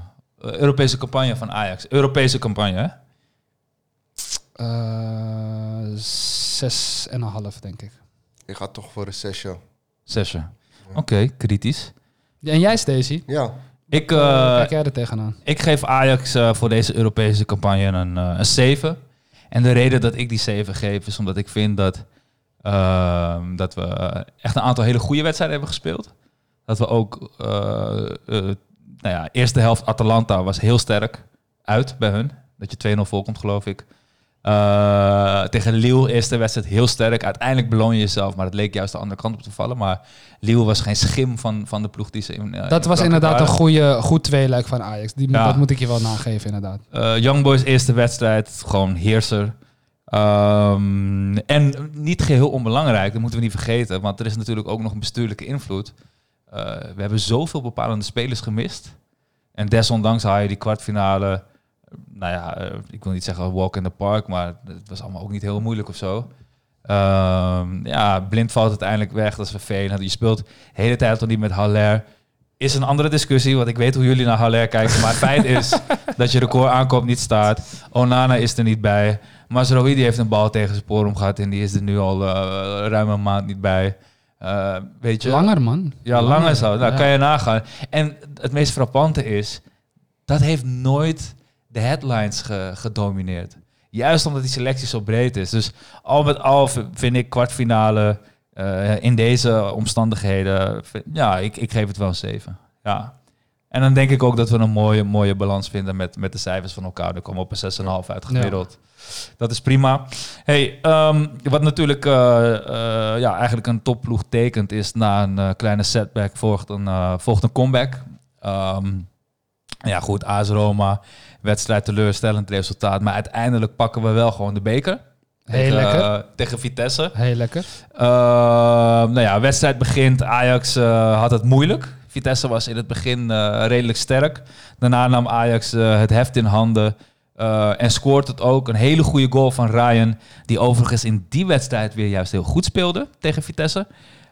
Daarna eigenlijk ja, een beetje uit de counter toch wel ongelukkig de 1-1. Als ik dat zo mag zeggen. Eh, uiteindelijk bleef Ajax gewoon wel domineren. Vitesse had de tweede helft een stuk minder in te brengen dan de eerste helft. En eh, ja, mede door een, eh, een, een rode kaart die ik vanuit de intentie van de overtreding duidelijk rood vond. Maar vanuit de overtreding zelf vond ik het eigenlijk helemaal niet echt een rode kaart, als ik eerlijk ben. Ehm, nou ja, man minder voor Vitesse. En Ajax scoort door een goal van Neres. Een goal die volgens mij ook was gevallen met een man meer, denk ik. Ik denk niet dat dit een typische goal was die, ja, je miste een mannetje in de 16. Maar Ja, het was net zijn, eh, het was net die linksachter, toch? Oh, het was ook die man, eh, Dus oh, daar, ja. rechtsbuiten stond hij Ja. vrij, inderdaad. Ja. Nou ja, dat gezegd hebbend eigenlijk dus inderdaad wel. Dan komt het wel daardoor. Ehm, maar goed, Ajax wint die pot 2-1. En ehm, ja, ik, ik, ik weet niet zo goed wat ik van deze wedstrijd moet vinden. Ik vond Ajax helemaal niet zo slecht als, als dat, dat, dat- Er werd over gesproken dat Ajax heel arrogant voor de dag kwam. En dat, eh, nou ja, dat, dat het stroperig was. Dat Vitesse heel goed was, vond ik ook niet. Ik vond Vitesse helemaal niet zo heel goed. Eh, ik vond het voetbal ook niet per se heel slecht. Ook niet heel tam. Maar ik vond het ook niet goed. Het was, het was eigenlijk alles wat ik voorbij heb horen komen, vond ik het niet. Maar ik weet niet wat ik er wel van vond. Ja, je omschrijft het best wel goed. Ik denk ook, ja, bekerfinale, geen publiek. Ja. Eh, is ook gewoon een beetje raar natuurlijk. Ehm, en ja, je hebt natuurlijk een wedstrijd in de benen.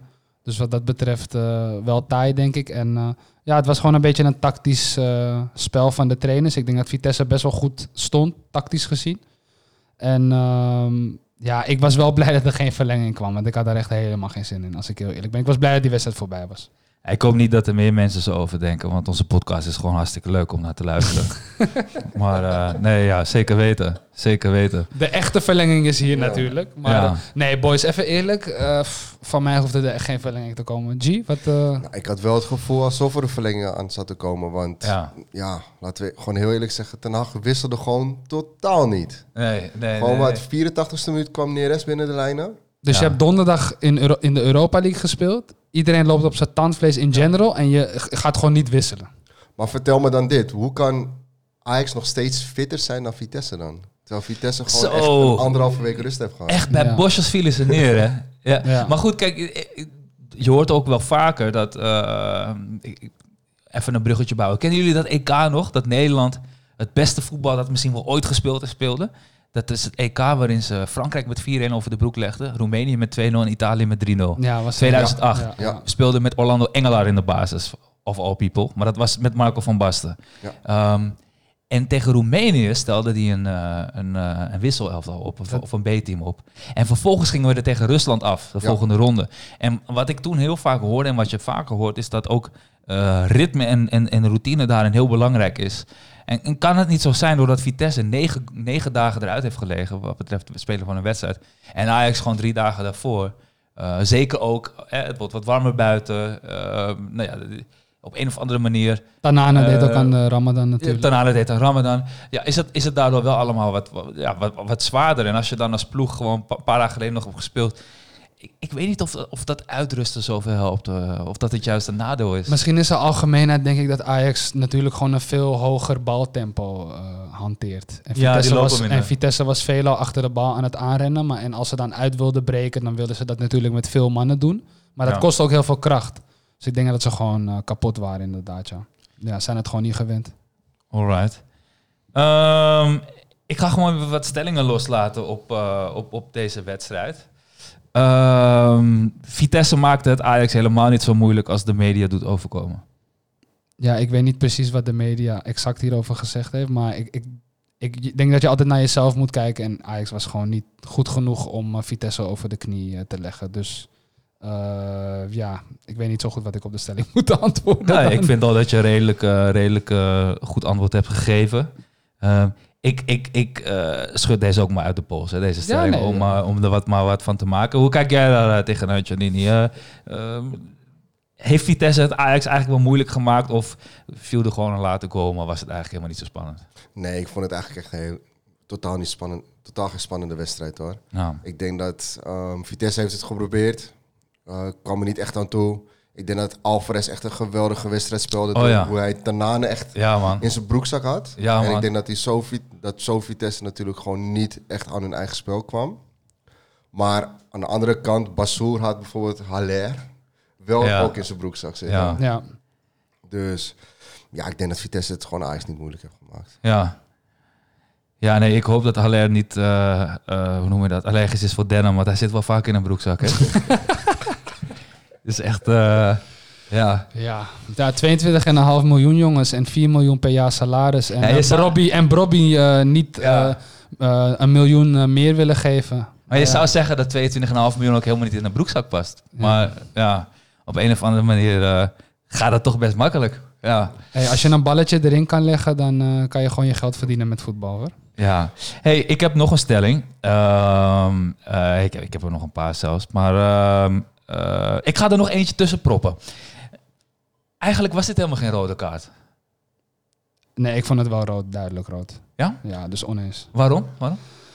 Eh, eigenlijk twee redenen. Eén is ehm, dat hij niet helemaal doorgebroken was, maar vol op snelheid kwam hij toch best wel dicht eh, tegen de keeper aan nog. En, maar waar het voornamelijk om draait... de keeper? Nee, als in eh, dicht bij de keeper dat het een één op één zou worden. Dat. Ah, oké. Eh, er waren nog wel verdedigers die meerennen, maar Anthony was zo, zo snel weg. Maar waar het voornamelijk om gaat steeds is dat die bal is totaal niet in de buurt. Ja, het was echt intentie, toch? Gewoon Totaal niet in de buurt. trappen. Precies. En, en hij doet ook nog zijn voet omhoog. Ja, Dus het is niet dat hij eh, de bal mist sliding en hij raakt hem. Het was Ja. echt, de bal was al weg en hij schoffelt hem gewoon onderuit. Terwijl zijn benen ook nog eens best wel hoog geheven waren. ja, Uh, maar ja, je zag ook dat Kuipers in eerste instantie geel wilde geven. ja. Um, maar in de herhaling gezien, ja, duidelijk Ah, rode kaart voor Het mij. was, de overtreding zelf was niet, niet zo... Maar het was vooral die, die beweging dat hij zijn voet nog omhoog doet. Ja. Om echt En als je dat in de, dat hij precies, raakt, en als je dat dan in de slow motion ziet, dan eh, kan je er niet, niet rood voor geven, denk ik. Is hij, is hij nog wezen kijken? Want dat- ik weet niet hoe dat gegaan is. Of, of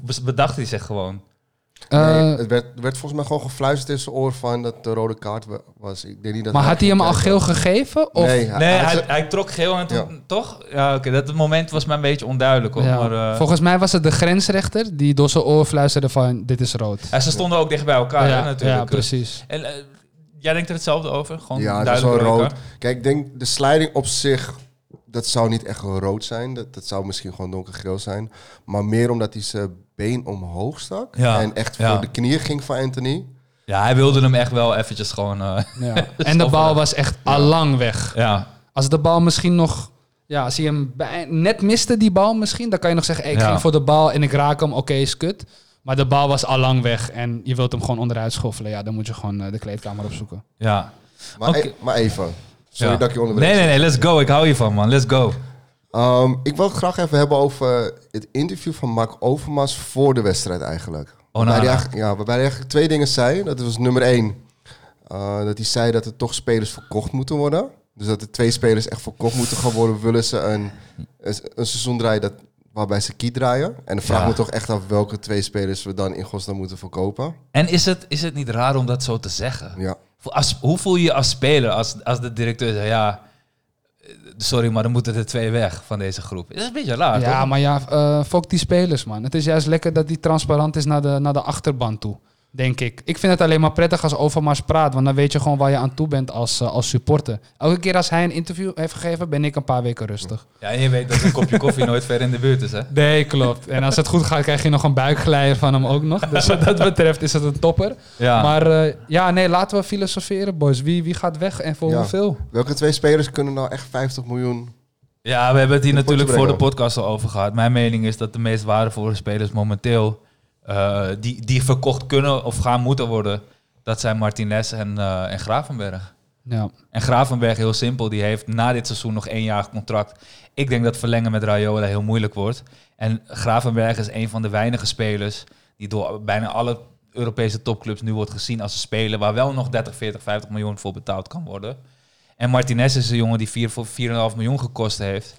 En die eh, gewoon geruisloos, als ik dat zo kan zeggen, toch wel weer basisspeler is geworden dit jaar. Eh, als, als, als centrale verdediger het ontzettend goed doet. Eh, ook steeds vaker dat, dat schotje op goal achterwege laat. Waar ik heel blij mee ben, want dat, dat gaat altijd over.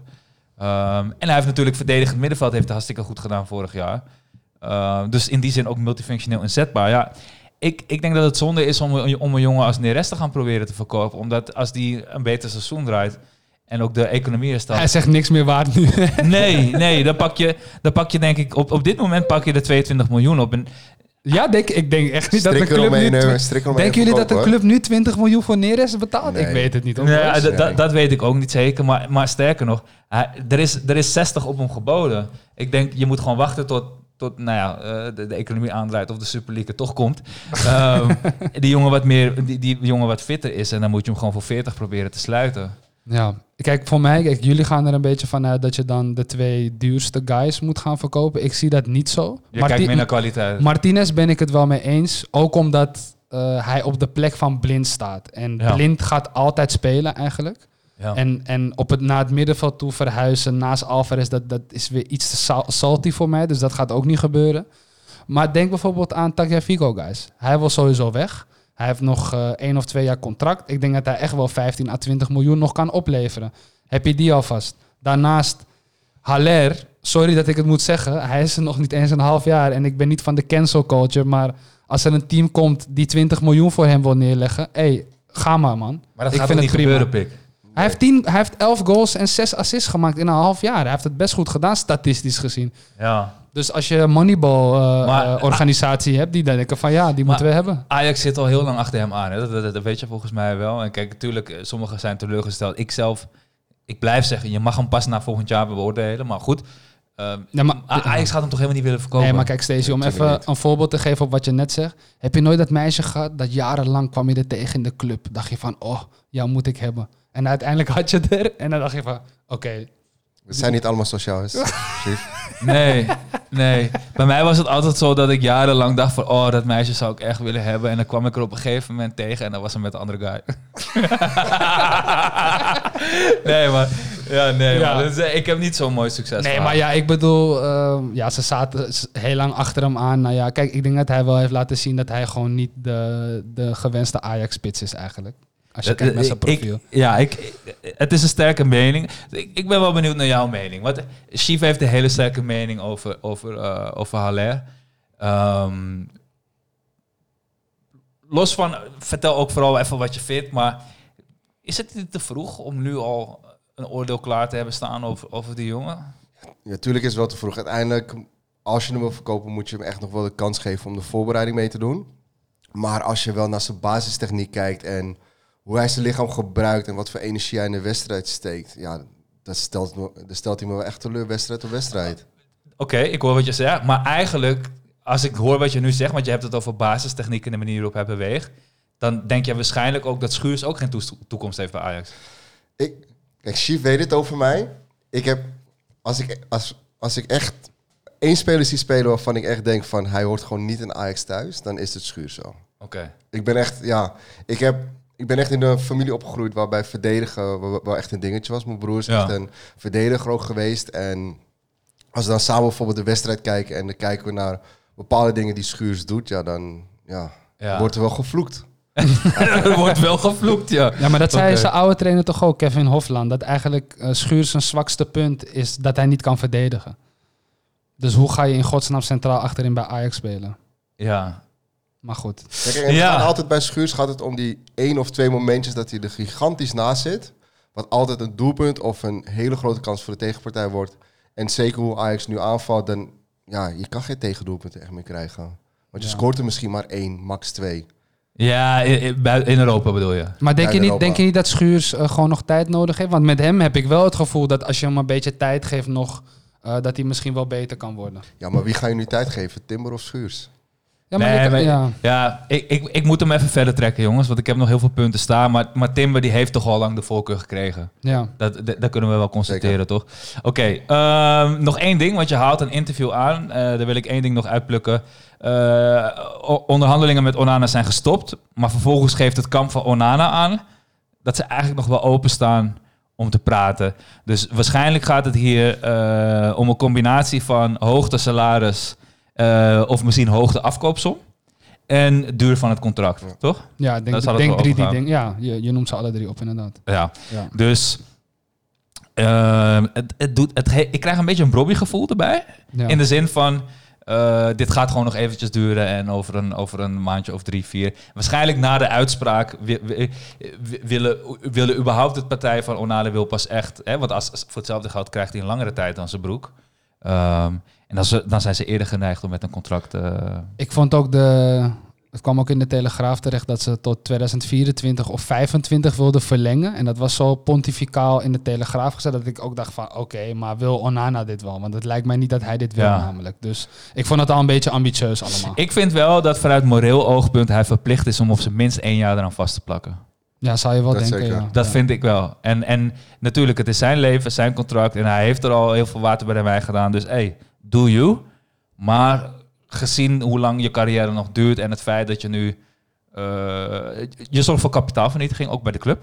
Eh, op meerdere manieren overigens.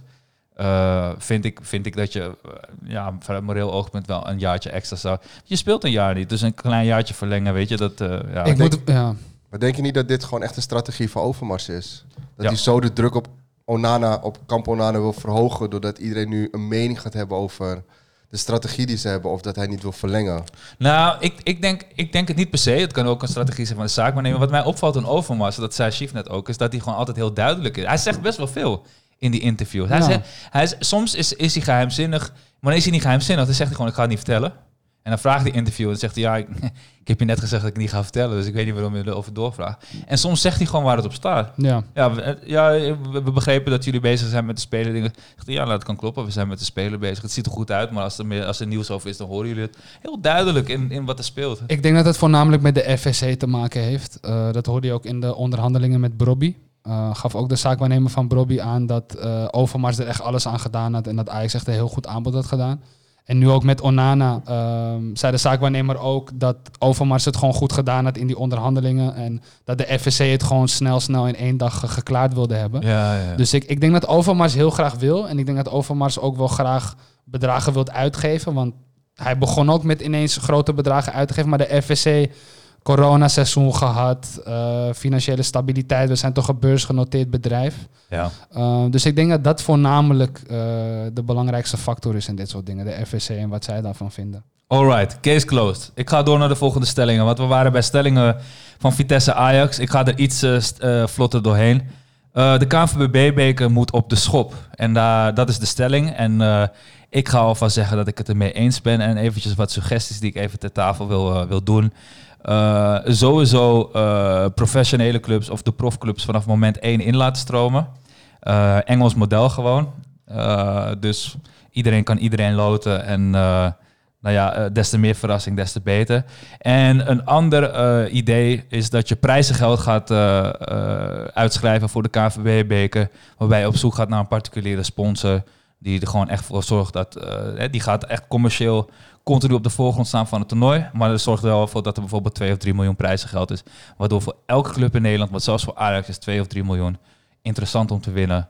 Eh, Zoals een Carabao eh, Cup bijvoorbeeld in Engeland. ja, ik, weet- ik weet niet hoe dat heet, maar ehm, ik heb toch wel het gevoel dat, het, dat... Ik zag die spelers van Ajax wel soort van juichen nadat Neres scoorde, maar het voelt niet helemaal echt, eh, komt het helemaal over. En ik denk dat als je een paar miljoen eh prijzengeld eraan hangt, waardoor... Laten we wel zijn, voetbal is commercie. En met, met 3 miljoen, dat is, toch, dat is toch best wel een aardige speler die je ervoor kan halen. Of, of een goed salaris wat je kan betalen. Ehm, ja, dat zou mijn voorstel Maar op zijn. zich, als je speler bent, dan boeit het jou toch niet of de club 3 miljoen krijgt of, of, of een half miljoen.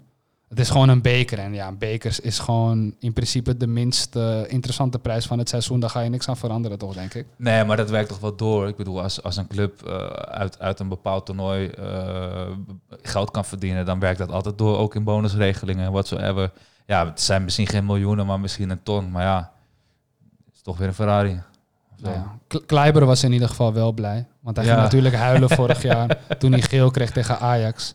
Dus hij is natuurlijk heel blij dat hij nu wel die beker gewonnen heeft. Dus voor hem ben ik wel blij. Maar Jenny, wat vind jij? Moet, moet er iets veranderen aan de KNVB-beker? Of, of is het nou eenmaal wat het is? Ik denk dat er ook niet te veel moeten veranderen. Kijk, als Ajax bijvoorbeeld de eerste ronde tegen een, ja, een Spakenburg gaat voetballen, nou, dat, dat is natuurlijk wel gewoon topklasse. Maar tegen een twee, tweede klasse of zo, ja, daar zit je niet echt op te wachten. En denk, zeker na dit seizoen, na zo'n drugseizoen of het seizoen dat altijd komen gaat met veel Europees voetbal, dan zit je denk ik niet te wachten op een eerste ronde KNVB-beker als club zijn. Je kan wel andere spelers meer speeltijd geven. Ja. De bankspelers. Ja, maar ik denk, als je, on- als je de onder 17 opstelt tegen, tegen zulke clubs, win je hem nog steeds, denk ik. Mag ik iets geks zeggen? Ik heb echt ineens net een heel gek idee. Maar we zijn bezig met een Beneliga, toch? Mhm. Maar waarom skippen we niet die hele Beneliga-idee, maar doen we gewoon een beker die zowel geldt voor, voor Nederland als België en dat beide finalisten dan rechtstreeks Europa ingaan, zoals de, de winnaar van de, van de beker van de KNVB gaat rechtstreeks Europa in en de winnaar van België gaat rechtstreeks Europa in. Wat nou als je dat toernooi Ik samen... Dit is een extra element, toch? Ik zeg stuur een mailtje naar KNVB, man. Ja, ik, zou het wel, ik vind het wel interessant. Ik Ja, vind toch? sowieso de Beneliga, maar dat is misschien eh, niet een discussie voor nu, Nee. eh, niet eens een heel slecht idee eigenlijk. Nee. Oké, ga ik naar de laatste stelling. eh naar aanleiding van de wedstrijd tegen Vitesse. Maar eigenlijk is dit breder getrokken. Eh Giannini zei er net al wat over. Eh, Edson Alvarez is de beste speler bij Ajax in april. Ehm, eens. Eens. Kleine toelichting? 1, 2 zinnetjes. Ja, nee, omdat ik, ik vond hem... Ik vind hem de laatste twee à drie wedstrijden echt goed. Maar daarvoor had hij ook weer twee, drie wedstrijden dat hij weer echt minder was. Maar ik weet even niet uit mijn hoofd of die in april vielen. Dat was een beetje Ja. de, de afweging. ja, sowieso uit die overtreding natuurlijk tegen Roma.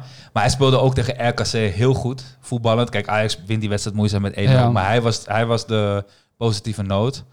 Is toch Eh, erg eigenlijk dat Alvarez je beste speler is. eh zoveel Ja. wedstrijden achter elkaar. Maar dat heeft ook juist te maken met als je team slecht draait, dat, dat iemand is die niet verzaakt. En dat is wel waarom we hem ook. Ja, ik, ik vind hem voetballend, vind ik hem echt steeds beter worden. En qua inzet Ja, eh, en qua loopvermogen vooral. La- laten we niet vergeten, hè, tegen Roma, twee minuten nadat hij eruit is, eruit wordt gehaald, krijg je die goal tegen Ja. in, die, in die wedstrijd. Maar ja, goed. Ik ben dus ook voor. Wat vind jij, Giannini? Voor mij was het echt een nek-aan-nek race tussen Alvarez en Martinez. Oké. Maar door die fout van Martinez tegen Vitesse, de slippertje, heeft Alvarez hem wel gewonnen. Dus Oké. ik ben het wel mee eens. Alright. Nou ja, Edson Alvarez bij deze, als je luistert, van harte gefeliciteerd. Muy bien. En eh, ja, je bent de topper. Oké, eh, nou ja, we begonnen deze podcast natuurlijk. eh, het is inmiddels hartstikke gezellig. En mag ik even zeggen dat je het, eh, dat je het heel goed doet, eh Giannini? Kijk, de, eigenlijk eh, ergens te gast zijn en je verhaal vertellen, daar is geen goed of slecht aan, want het is jouw verhaal. Maar eh, ik, ik loef deze energy. Ik vind het nice, man. eens, eens, eens. Ja, absoluut. toch? Dankjewel, man. Ja, man, dat wou ik even kwijt. Gewoon even tussen de regels door, eventjes complimentje Ik heb uitdelen. genoeg eten, eten gekregen, toch? Dus dan, eh, dan gaat het ook wel makkelijker. Er is benzine. Ja, Shout-out voor die burger Stacy. Shout-out. ja ik, moet, ik moet goed voor mijn gasten zorgen, man. Daar hou ik van. Dat, No- eh, ik moet je nog een shout-out eh, wat eten betreft eh, geven. Voor de, voor de mensen thuis. Stacey is een, een Nederlandse jongen. Maar hij kookt als een Surinamer. en het is fantastisch. En ik had een recept van hem voor uh, ketchup kip. Terwijl ik zelf half Surinaams ben. Hè?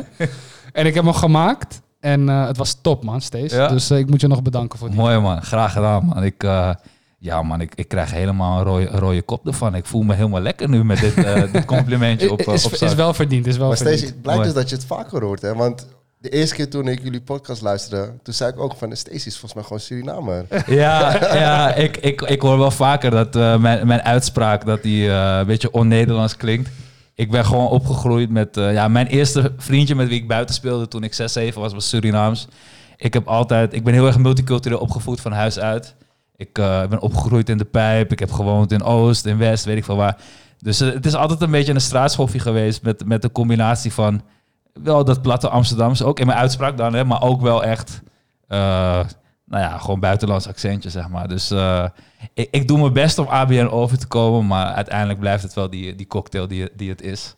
Ehm, en zeker met koken, ja, ik hou van kruiden, man. Dus dat, eh, ja. Maar goed, back to business. Eh, genoeg complimentjes uitgedeeld, jongens. Ehm, we hadden nog een wedstrijd die we moesten bespreken. Ajax speelt vandaag tegen Utrecht. Konden echt een ongelooflijk mooie voorzet eh, doen ja, om die titel te gaan pakken deze week. Ehm, en uiteindelijk wordt het 1-1. Ehm, ik denk dat we deze wedstrijd goed kunnen analyseren, want hij is net geweest. Chief, normaal loop ik altijd even door de wedstrijd heen en dan ga, Ja. vraag ik om analyse. Vertel jij even, wat, wat hebben we gezien vandaag? Ik, eh, ik vond het eigenlijk een typische eh, wedstrijd van Ajax de afgelopen maanden. Zo hebben we er best wel veel gehad in de competitie. Dat we eigenlijk toch vrij weinig creëren eigenlijk. eh, tegen, we, tegen duidelijk mindere tegenstanders. Maar ja, van tevoren, eh, als ik had geweten dat we tegen Utrecht zouden spelen, dat had ik niet eens gekeken. Want dan wist ik al dat Ten Hag eigenlijk niet wilde winnen. Je wilt ook niet verliezen. maar Ten Hag wil het liefste natuurlijk Utrecht ook wat gunnen. Weet je, Kleiber 5 miljoen, Labiat 7,5 miljoen, weet je. Misschien heeft Utrecht ook nog het doorverkoop op uh, Haller gekregen. Je weet het niet. Dus eh, ja, nee, ik, ik, ja, nu achteraf gezien met Den Haag als trainer is een gelijkspelletje wel, eh, wel de verwachte uitslag. Nee, nee. Even eerlijk, te weinig gecreëerd, zoals alle andere wedstrijden ook. En eh, één countertje, overtreding.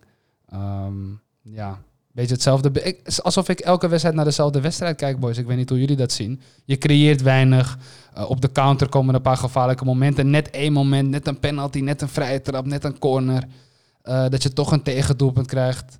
En eh, vervolgens eh, moet jij het spel gaan maken en eh, wordt er weinig gecreëerd. Ja, ik, ik, ja. Ja, ik ben het wel een beetje eens. Wat, wat ik heel erg zie bij dit Ajax is dat ehm, als ze een mindere fase hebben, dat het wat minder gaat, dan hebben ze echt die openingsgoal nodig, die voorsprong, om ehm, goed voetbal te spelen en om, om een tegenstander te breken. Maar ze zijn niet in staat om puur op kwaliteit, om een 1-0 achterstand om te draaien en vervolgens gewoon naar 2-3-4-1 weg te lopen, zeg maar.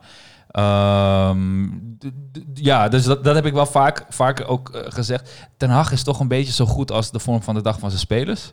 Eh, en, en heeft eh, soms onvoldoende kwaliteiten om met zijn wissels.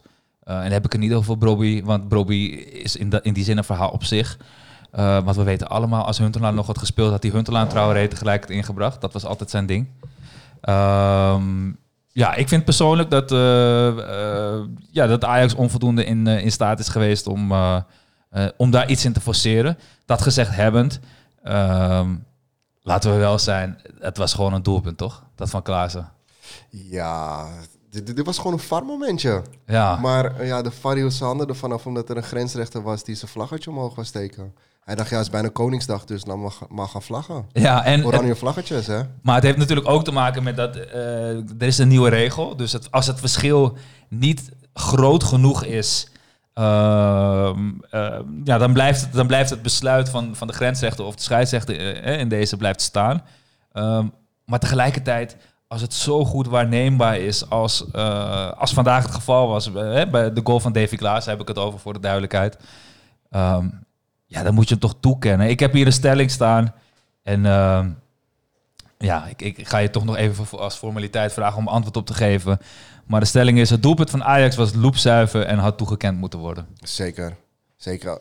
Kijk, uiteindelijk, ehm, ik denk dat we hebben, we hebben het met z'n drieën gekeken en we zagen allemaal door de lijn van het 5 meter gebied dat, Ja, ja, dat Van der Maro, die trouwens erg op Sean Kleiber lijkt, vind ik. ja. Maar wel een goede wedstrijd speelde Ja. trouwens. Ik vraag, ik vraag me toch echt af of Ajax niet de verkeerde kale bek van... hebben, hebben, hebben we niet de verkeerde Kluiber? hebben de verkeerde Kleiber gekocht. Will the real climber please stand up? ja. Maar ja, we zagen gewoon met z'n allen dat eh, Van der Maro zijn voet gewoon...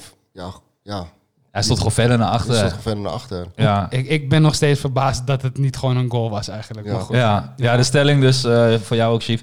Eh, het doelpunt van Ajax was loepzuiver en had toegekend moeten worden. ja, 100 procent. Ja. Ja. ja, we kunnen er ook lang over lullen, maar die, die regel, of de- laat ik het zeggen, de toepassing van de regel eh, door, door de KNVB is natuurlijk lachwekkend. Ehm, want laten we wel zijn, oké, ja, je spreekt met z'n allen af als het verschil zo klein is dat het niet waarneembaar is. Hè? En dan wordt bijvoorbeeld gezegd 10, c- 10 centimeter. Ja, dan neem je geen besluit. Maar wat nou als het verschil zo klein is, maar wel heel goed waarneembaar is? Ja, dan, dan, dan ga je die bal toch gewoon niet afkeuren. Maar wat is er nou uiteindelijk gebeurd met eh, het altijd voordeel voor de aanvallende ploeg? Ja, dat wil ik ook net zeggen Ja. inderdaad. De regel zou moeten zijn, als je niet duidelijk kan zien dat het buitenspel is, is het gewoon een doelpunt. Niet die, niet, het is gewoon nu onzin dat je dan zegt, nou, de beslissing op het veld, die blijft, sla- die blijft staan. Hoezo? Waar slaat dat op? De VAR is er Ja. toch om dingen te corrigeren. En je moet inderdaad, wat Janini zegt, altijd de aanvallende ploeg het voordeel van de twijfel geven. Dus als je bij de VAR ziet dat het niet duidelijk geen buitenspel is, dan moet het gewoon een goal zijn. Ja, en wat ik ook opmerkelijk vind is dat de VAR zelf kijkt er wel naar, maar vervolgens gaat de scheidsrechter niet zelf kijken. Dat vind, dat vind ik heel raar, want uiteindelijk, wat er ook gebeurt, heeft de scheidsrechter altijd het hoogste woord. Dat is, dat is hoe het geregeld is. Ehm, Dus dan ben ik benieuwd, wat, wat hebben die twee... eh, eh, Ik kan me niet voorstellen, dat, stel het beeldje even in, hè, dat je dus in dat hokje zit, ergens in Zeist, zoals ze altijd zeggen. En dat ze zeggen, eh, ik weet helemaal niet hoe deze scheidsrechter heet, maar ik noem hem even Martijn. Dat ze zeggen, hey, eh, Martijn, eh, ja, nou ja, nou, onze mening eh, staat de speler geen buitenspel. Dat is duidelijk waarneembaar. Maar eh, aangezien het zo krap is dat het dus binnen die 10, cent- 10 centimeter valt, eh, ja, hoef je hem niet toe te kennen en hoef je ook niet te gaan kijken. Ik, weet je, wa- wat zullen hun op dat moment met elkaar besproken hebben? Want iedereen ziet dat hij niet buitenspel staat. Die 5 meter lijn is duidelijk getrokken. Je, je kan geen andere conclusie eraan verbinden. Ik, ik vind het heel raar. Ik vind het een hele rare regel in general. En dit is ook een dingetje trouwens van de Super League, om even daarop terug te komen. Uh, zij willen dus, wilden dus introduceren dat de scheidsrechters met het publiek ook communiceren over hun beslissingen. En ik denk dat dat bijvoorbeeld wel een goede... Net als Eh, American voetbal. Ja, Ja, precies. precies. Ik denk dat dat wel goed zou zijn. Want nu is het continu speculeren, speculeren en, eh, en, en woede natuurlijk onbegrip voor bepaalde beslissingen. Ik denk dat als je gewoon open communiceert met supporters, in dit geval met ons, eh, dat we dan misschien wat beter zouden kunnen begrijpen. Eh, maar dat even los van, van het feit nu. Maar dat vond ik wel een, eh, een goeie. Alright. Eh, nou ja, uiteindelijk eh, maken we wel die 1-1 door een doelpunt van... eh, eh, ik ben het even vergeten. Oh ja, van Alvarez. Eh, die eigenlijk eh, nou ja, vanuit eh, het begin van de 16 eh, redelijk veel snelheid in komt lopen. En eigenlijk helemaal vrijstaand. Een bal die volgens mij van Tadic of Tagliafico of Martinez. Een van de drie. Of misschien Gravenberg. Ik, ik had dit helemaal niet moeten zeggen. Die in ieder geval een bal erin prikt. Wordt 1-1. Eh Ajax creëerde de tweede helft wel genoeg kansen, vond ik. Was ook duidelijk wel de betere ploeg. Maar dat mocht niet zo zijn. Dus Ajax gaat volgende week naar alle waarschijnlijkheid geen kampioen worden. Ehm, ik heb nog een stelling. Ik heb er zelfs twee. Ehm, ik begin even in chronologische volgorde. Eh Kudus had vandaag niet in de basis mogen beginnen.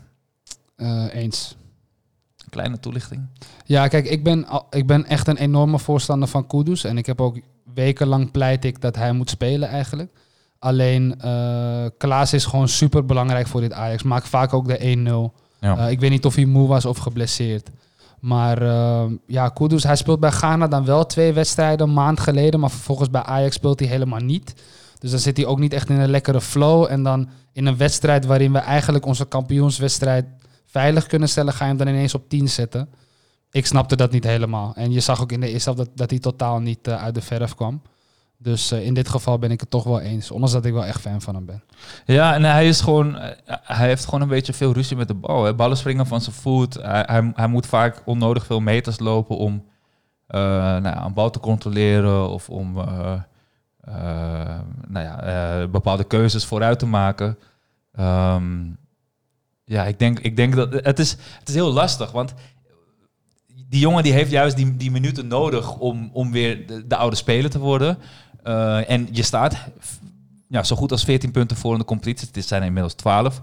Uh, maar tegelijkertijd uh, ja, is dit dan de wedstrijd. Maar ja, wat is dan wel de wedstrijd om, om dit te doen? Weet je? Is, is dat pas als je kampioen bent?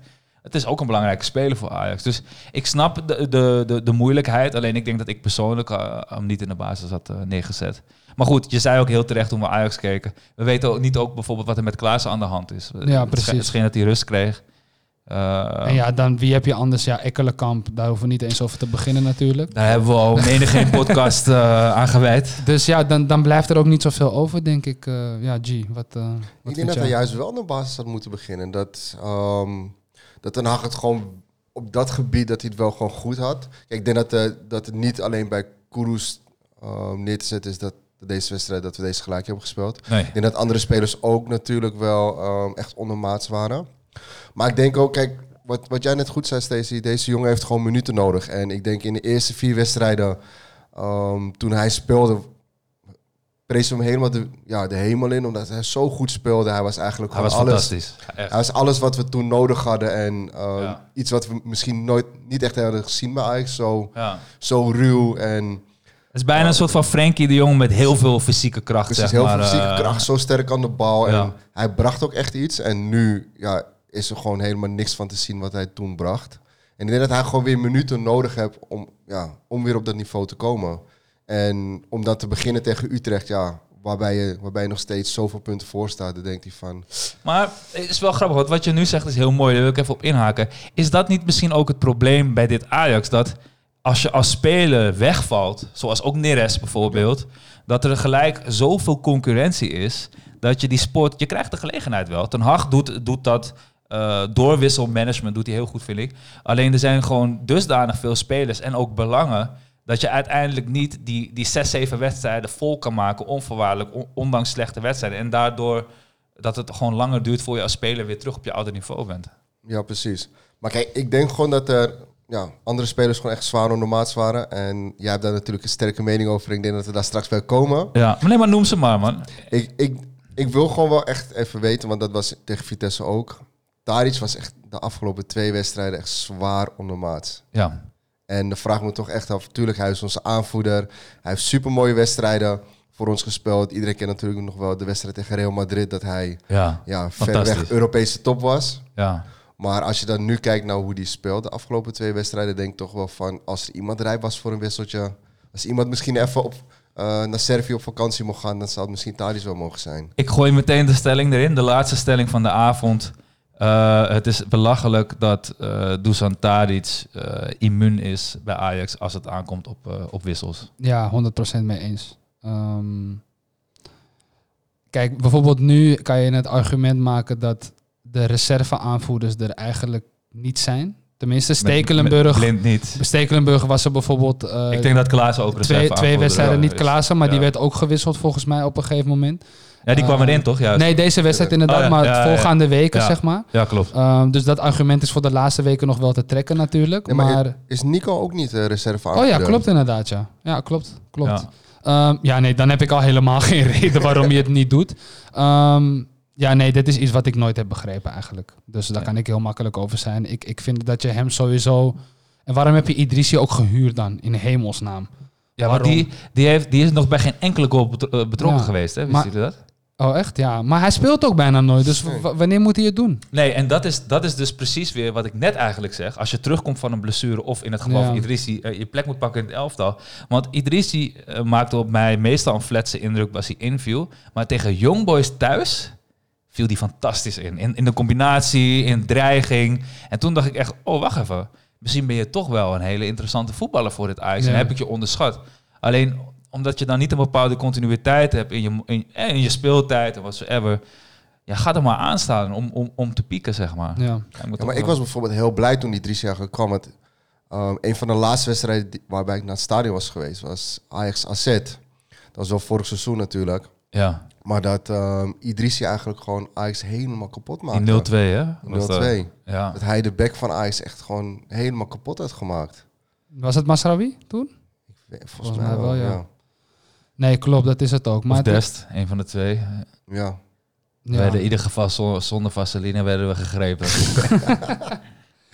Ja, nee, maar misschien is hij toch... En kijk, dit weten we natuurlijk niet, boys. Want we zijn niet elke dag op de training. En, en we zitten niet in die kleedkamer.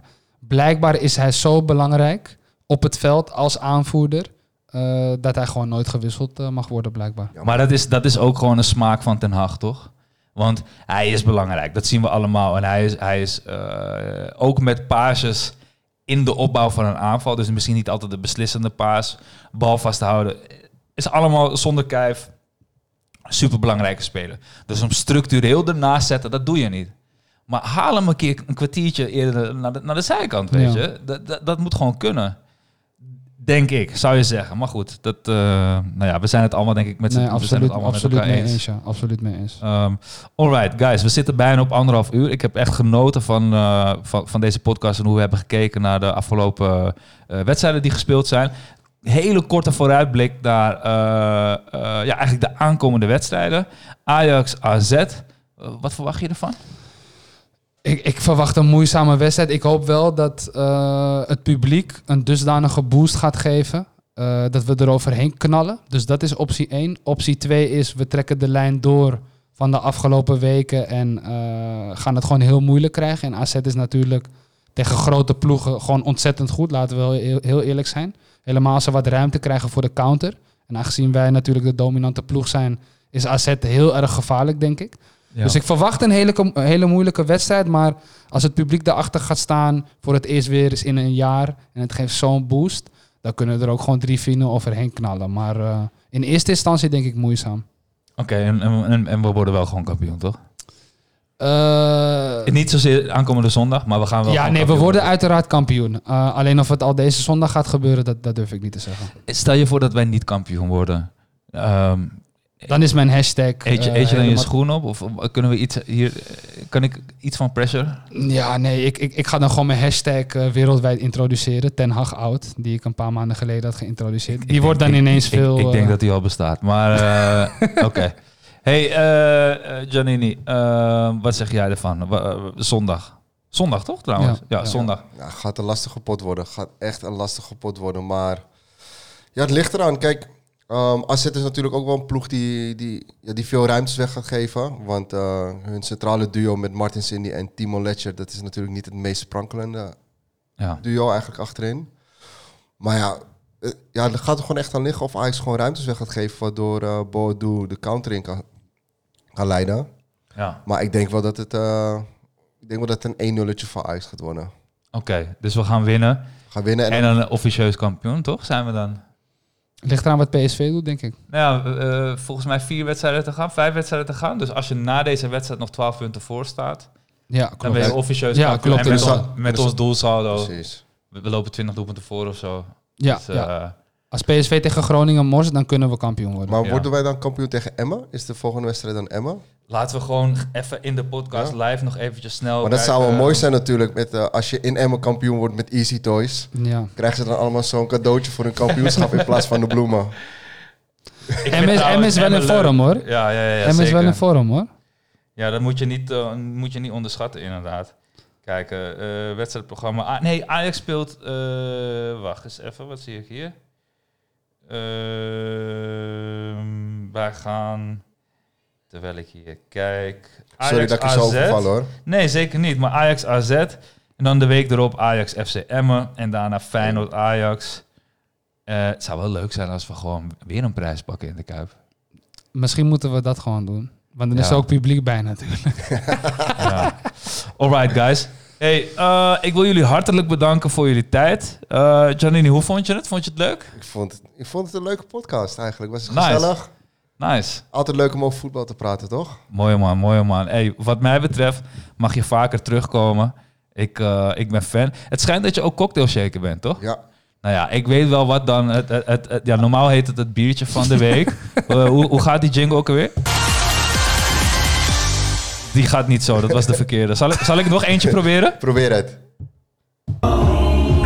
Nee, dat is, dat is, dat is Wout de playlist Weghorst. voor, dat is de playlist van vanavond. Nee, nee, dat, dat was Wout Weghorst die ging zingen. Dat is echt een fragment van zes podcasts geleden. Oh, echt? Maar eh, de, de jingle van het biertje van de week kan ik eh, helaas even niet vinden. Maar wellicht kunnen we die dan gebruiken. En ga jij gewoon ook een cocktailtje shaken volgende keer? Als jij met je ketchup kip komt, dan kom ik wel met een cocktailtje. Let's go, man. bij deze, bij deze. Leuk, man. Nee, ik vond het echt tof dat je er was. En eh, ik heb genoten van je input. Chief, ook jij, hartelijk dank weer. Ja, altijd leuk man, altijd leuk, absoluut. Het was, een, eh, het was een mooie ervaring. Beste luisteraars, ik wil jullie ook eh, deze week weer hartelijk bedanken voor jullie aanwezigheid. Eh, ik heb genoten van de podcast en ik hoop jullie ook. Nou zoals we wel vaker melden, we zijn een podcast die wekelijks te beluisteren is via jouw favoriete podcastkanalen. En voor nu ja, eh, dank ik jullie hartelijk en graag tot ziens.